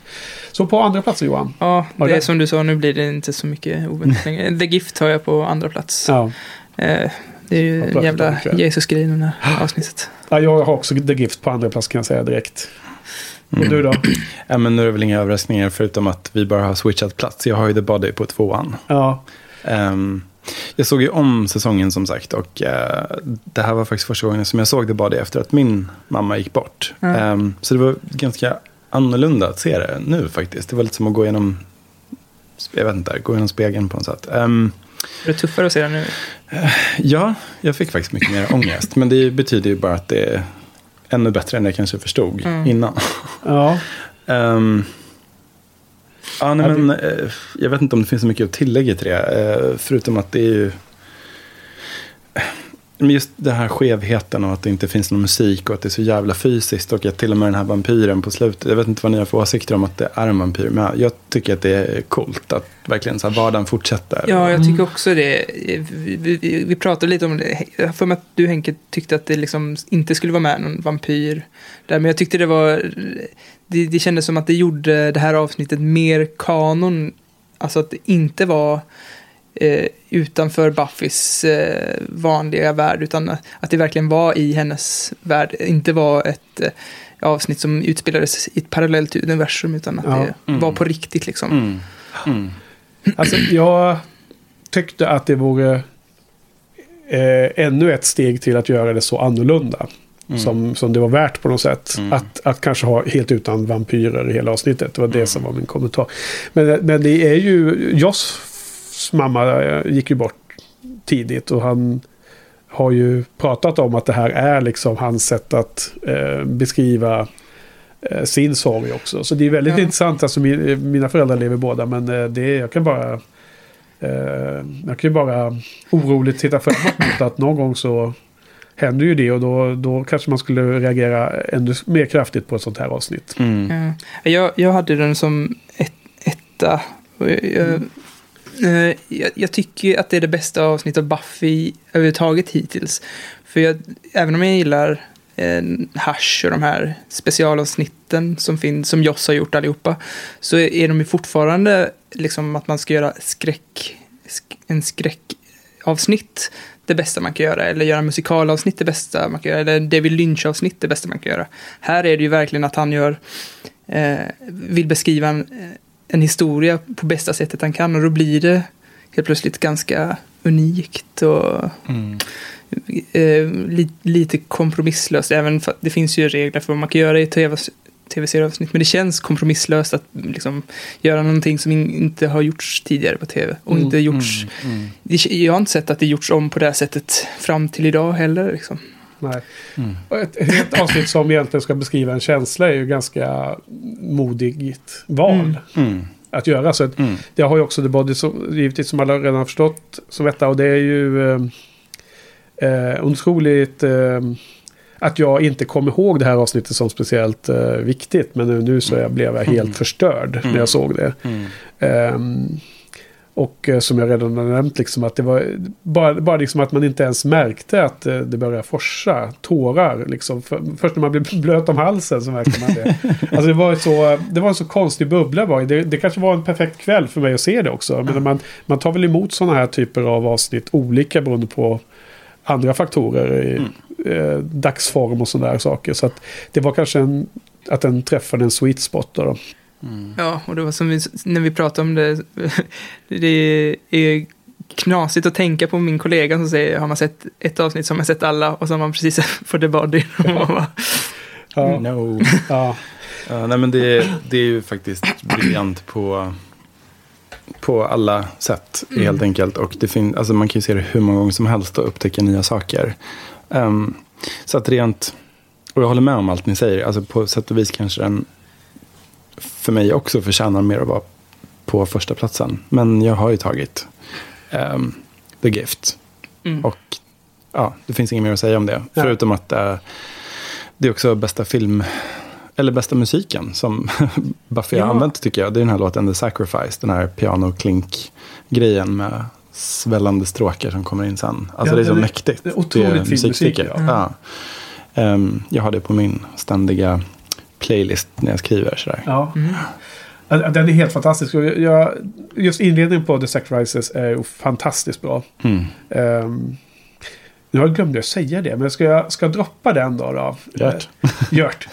För mina lyssnare här, eller våra lyssnare här. Eh, jag klippte in den melodin eh, i, till ett citat i det poddavsnitt när vi pratade om säsongsavslutningen säsong 1. Och eh, tanken var egentligen att riktiga veteraner som hade eh, sett på serien många gånger skulle upptäcka det här. Men det är faktiskt ingen som har hört av sig så jag är lite besviken där. Så 31 minuter in i poddavsnittet ungefär, den som heter Prophecy Pod, så där vi bland annat behandlar Prophecy Girl-avsnittet och sammanfattar säsong 1. Så är det det citatet när Buffy pratar med Mr. Giles och att hon bara är 16 år, att hon inte vill dö. Och så har jag klippt in den här musiken som nu kommer när hon dör Mm. i säsong 5. Mm. Jag tyckte det var en, en lite snygg framåt, eh, en vinkning till de lyssnare som jag vet har sett serien många gånger. Var det en vinkning av dig också att säga det här är första gången hon dör? Vi pratade om första gången hon dog. Ja, till dig ja. Off, off, off Var det inte kamera. in podd? Nej, jag tror inte det. Jag, jag tror jag eventuellt har försagt med någon till Johan. Ehm, så att det är lite svårt det där. Jag var sämre i början tror jag också. Uh, Mm. Jättesvårt. Ja, som du själv har märkt liksom. Man gör gärna framåt. Ja, ja, ja. Ja, eh, har ni, vad heter det, hedersomnämnande från eh, säsong 5 då? Ehm, Ett, ett sjok. Vad har du för några andra avsnitt som var svåra att lämna utanför? Ehm, jag är ju väldigt förtjust i det här avsnittet Forever, som är avsnittet efter The Body. När Ja. Dawn försöker få tillbaka Joyce. Jag tycker det är så mycket som... Det- Och det kanske också är ett sånt avsnitt som jag liksom tyckte ännu bättre om egentligen, man ska säga, efter att min mamma gick bort. Eller det öppnade upp nya lager i det avsnittet Ja. på något sätt. Så, Och- Sorgearbetet. Ja, men precis. Och den här liksom önskan att det ska finnas en easy way out. För det är ju helt obegripligt att någon inte finns längre. Alltså, Ja. vi vet ju alla att alla ska dö och det där. Men, men om man verkligen blir så här, när det verkligen slår en att så här, nej men gud, det, det är verkligen för alltid. I den värld vi känner till i alla fall. Så, så um, jag tycker det är så jäkla snyggt bara det här med att Dawn verkligen vill det här. Jag tycker också att det är fint det här med att det är Dawn som till slut bryter the spell i slutet. Ja. För att det är Buffy som plötsligt vill vill, Mm. eh, som, Och- ja, när det knackar på dörren helt enkelt. Ehm, Ja. ja, men det är väldigt snyggt. Och liksom Dawn och Buffys relation som också får någon slags ehm, katarsis i slutet på det avsnittet. Ja, och det Eh. bryter också lite regler, eh, Buffy-regler, att man får ju nästan alltid se monstret. Men här Mm. så river hon lappen precis innan man får Ja, se det. Visst var det tur det. att det inte blev... Att man inte blandade in eh, zombie. Ja, Ja, det ja, var assnyggt, för jag, jag var nog Det ganska övertygad om att man hade inte, sett det zombie. hade inte varit bra. Nej.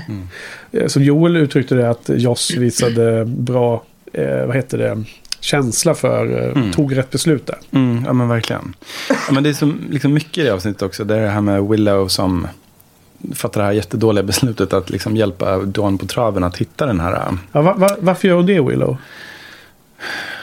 Ja men det känns ju lite oklart. Eller hur? Det känns eller ju som att hon vill hjälpa, alltså hon, hon har ingen makt att hjälpa på något sätt och det där är det minsta hon kan göra för att få Mm. alltså hon vill vara för snäll för sitt eget bästa på något Alltså, är sätt. det empati till Dawn du menar? Ja, Ja. Hon, hon är för snäll helt enkelt. För det finns olika, det kan vara för att hon vill ha tillbaka Joyce. Men då är det liksom samma eh, Mm. typ av tanke som Dawn har själv. Men det kan också vara för att hon bara vill göra, hon vill pröva allt möjligt inom magin. Mm.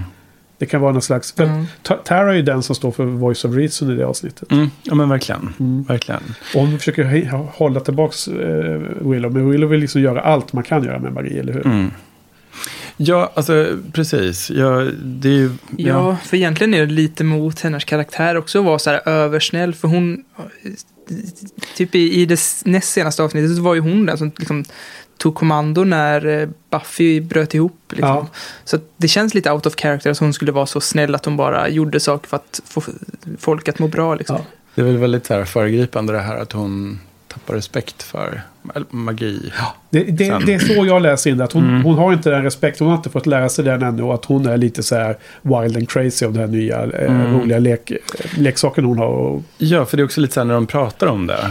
Innan, innan det här sker så pratar de, eh, så när de pratar om det här med att återuppliva folk från de döda så är ju liksom så är det ju väldigt stor skillnad på henne och Tara. För Tara säger ju att så här, nej men man, man får liksom det, we took a secret oath, bla bla bla, för att det är farligt och det är, det är fel och, ja, och det funkar aldrig säger hon också. Det blir alltid fel va? Ja, just det, precis. Medan Willow är mer så här, nej men det, det är svårt. Ja, Alltså, så att hon har ju liksom inte den här moraliska eller vi- etiska. och det känns faktiskt mer i karaktär med Willow. För hon har ju gjort sådana här reckless beslut genom hela Mm. serien egentligen. Mm. Där hon bryts sig in i det där mm, kommunhuset bland annat. Och Det, ska, ja, hon möter um, Faith där eh, och är lite farlig ute.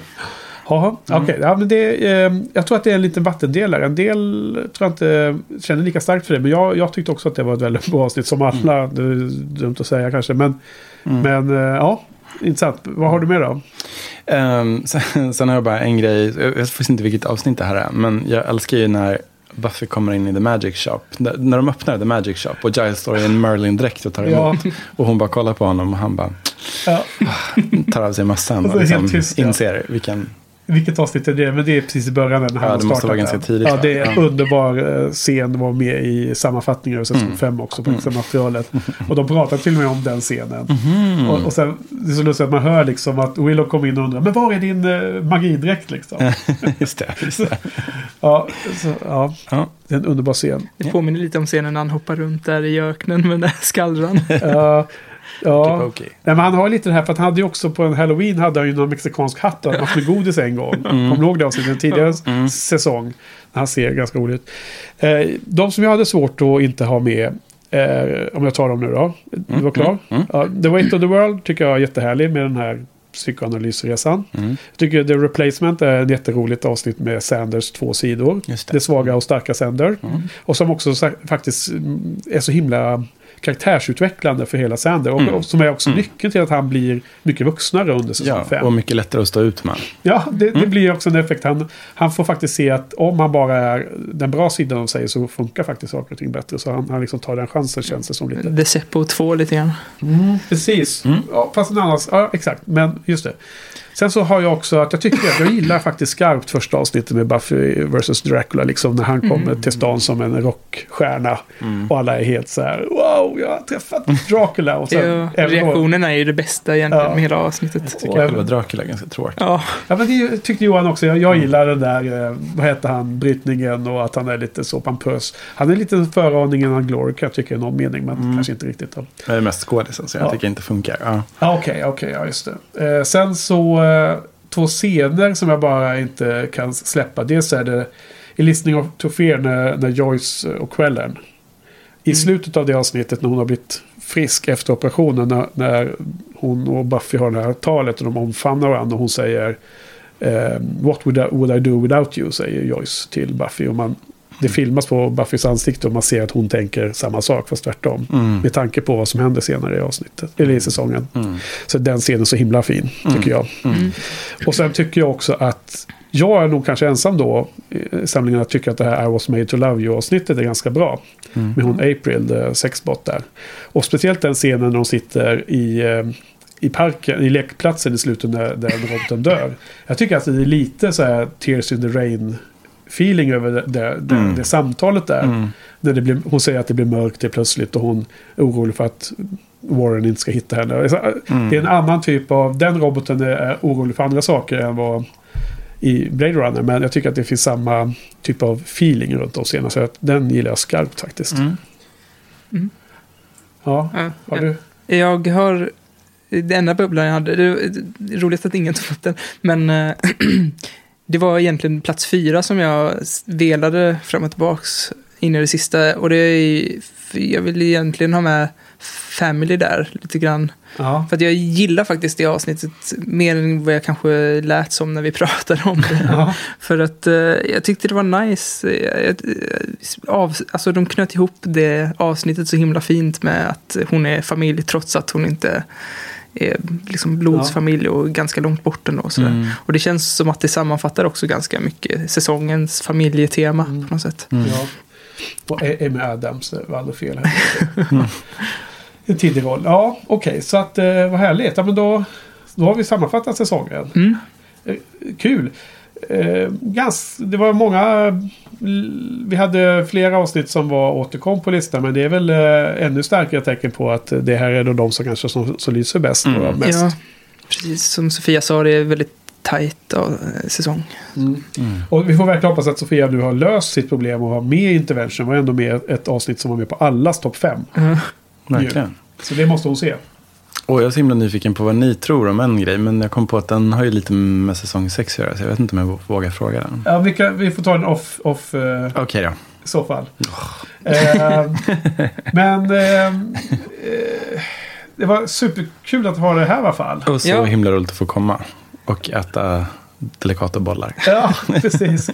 Och, och det finns så himla mycket man kan prata om. Men eh, jag tycker ändå vi har täckt in ganska mycket bra nu. Och eh, vem vet, vi kanske får prata Buffy mer i framtiden. Men man vet aldrig vad som händer. Eh, eh, eller hur? Eh, Ja, jag, jag kommer gärna tillbaka om jag blir bjuden. ja, eh, det är två säsonger kvar. Så. ska vi... Eh, är vi nöjda för ikväll eller?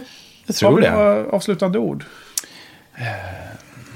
Nej, bara att jag, jag känner mig nästan lite avundsjuk på dig som får liksom så här prata om Buffy med någon som ser det för första gången. Det måste ju vara som att få en son och liksom bara vilja visa honom världen. Eh, Det kan nog vara frustrerande också tror jag. Ja, det är, väl- alltså jag tycker det är, det är supernice med den här dynamiken som vi... Det, det var ju bara något som var, men samtidigt så tog vi fasta på det när vi började podda. Att en har sett det och en har inte sett det.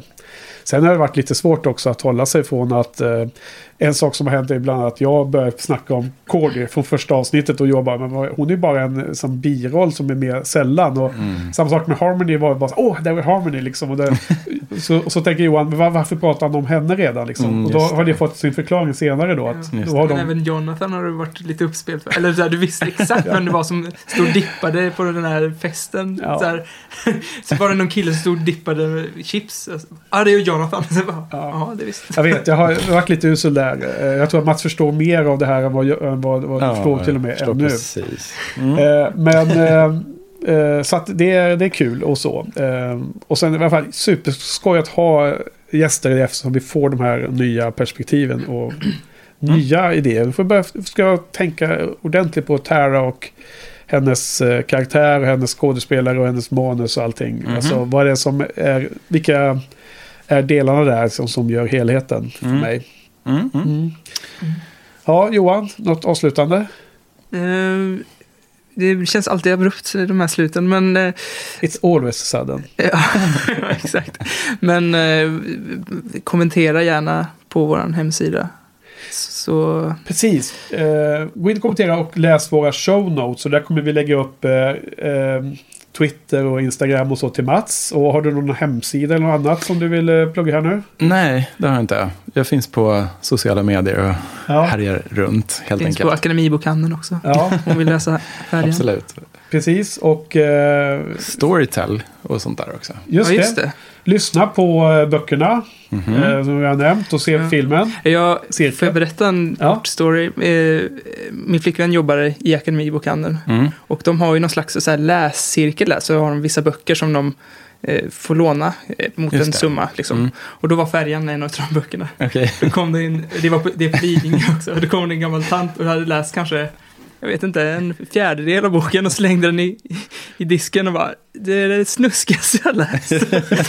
Skällde ut min tjej för att hon, den var så snuskig den där boken. Just det, det är okej. eh, precis Och- när Dan Appelgren omvandlas. Det är väl, Ja, kan ha precis. varit den Ja. Precis. kan Linnea, Linnea klarade bara halva boken också. Så, att- så la hon ner den, men nu har jag sagt att hon måste läsa den eh, Okej. trots det. Ja. För- Ja, får verkligen hoppas att filmen kommer fram snart. För jag, jag känner mig sugen bara att se vissa av de här scenerna. Ja, men ni kanske kan vara med som statister och ligga så här aspackade på det är cocktailkorvar en i en dröm. trapp eller någonting. Ja. Absolut. Det är bara att, att, ringa så Absolut. dyker vi upp. Ja. Ja. ja, nej men en gång stort tack. Och eh, ja, men då är vi väl wrap it up för ikväll.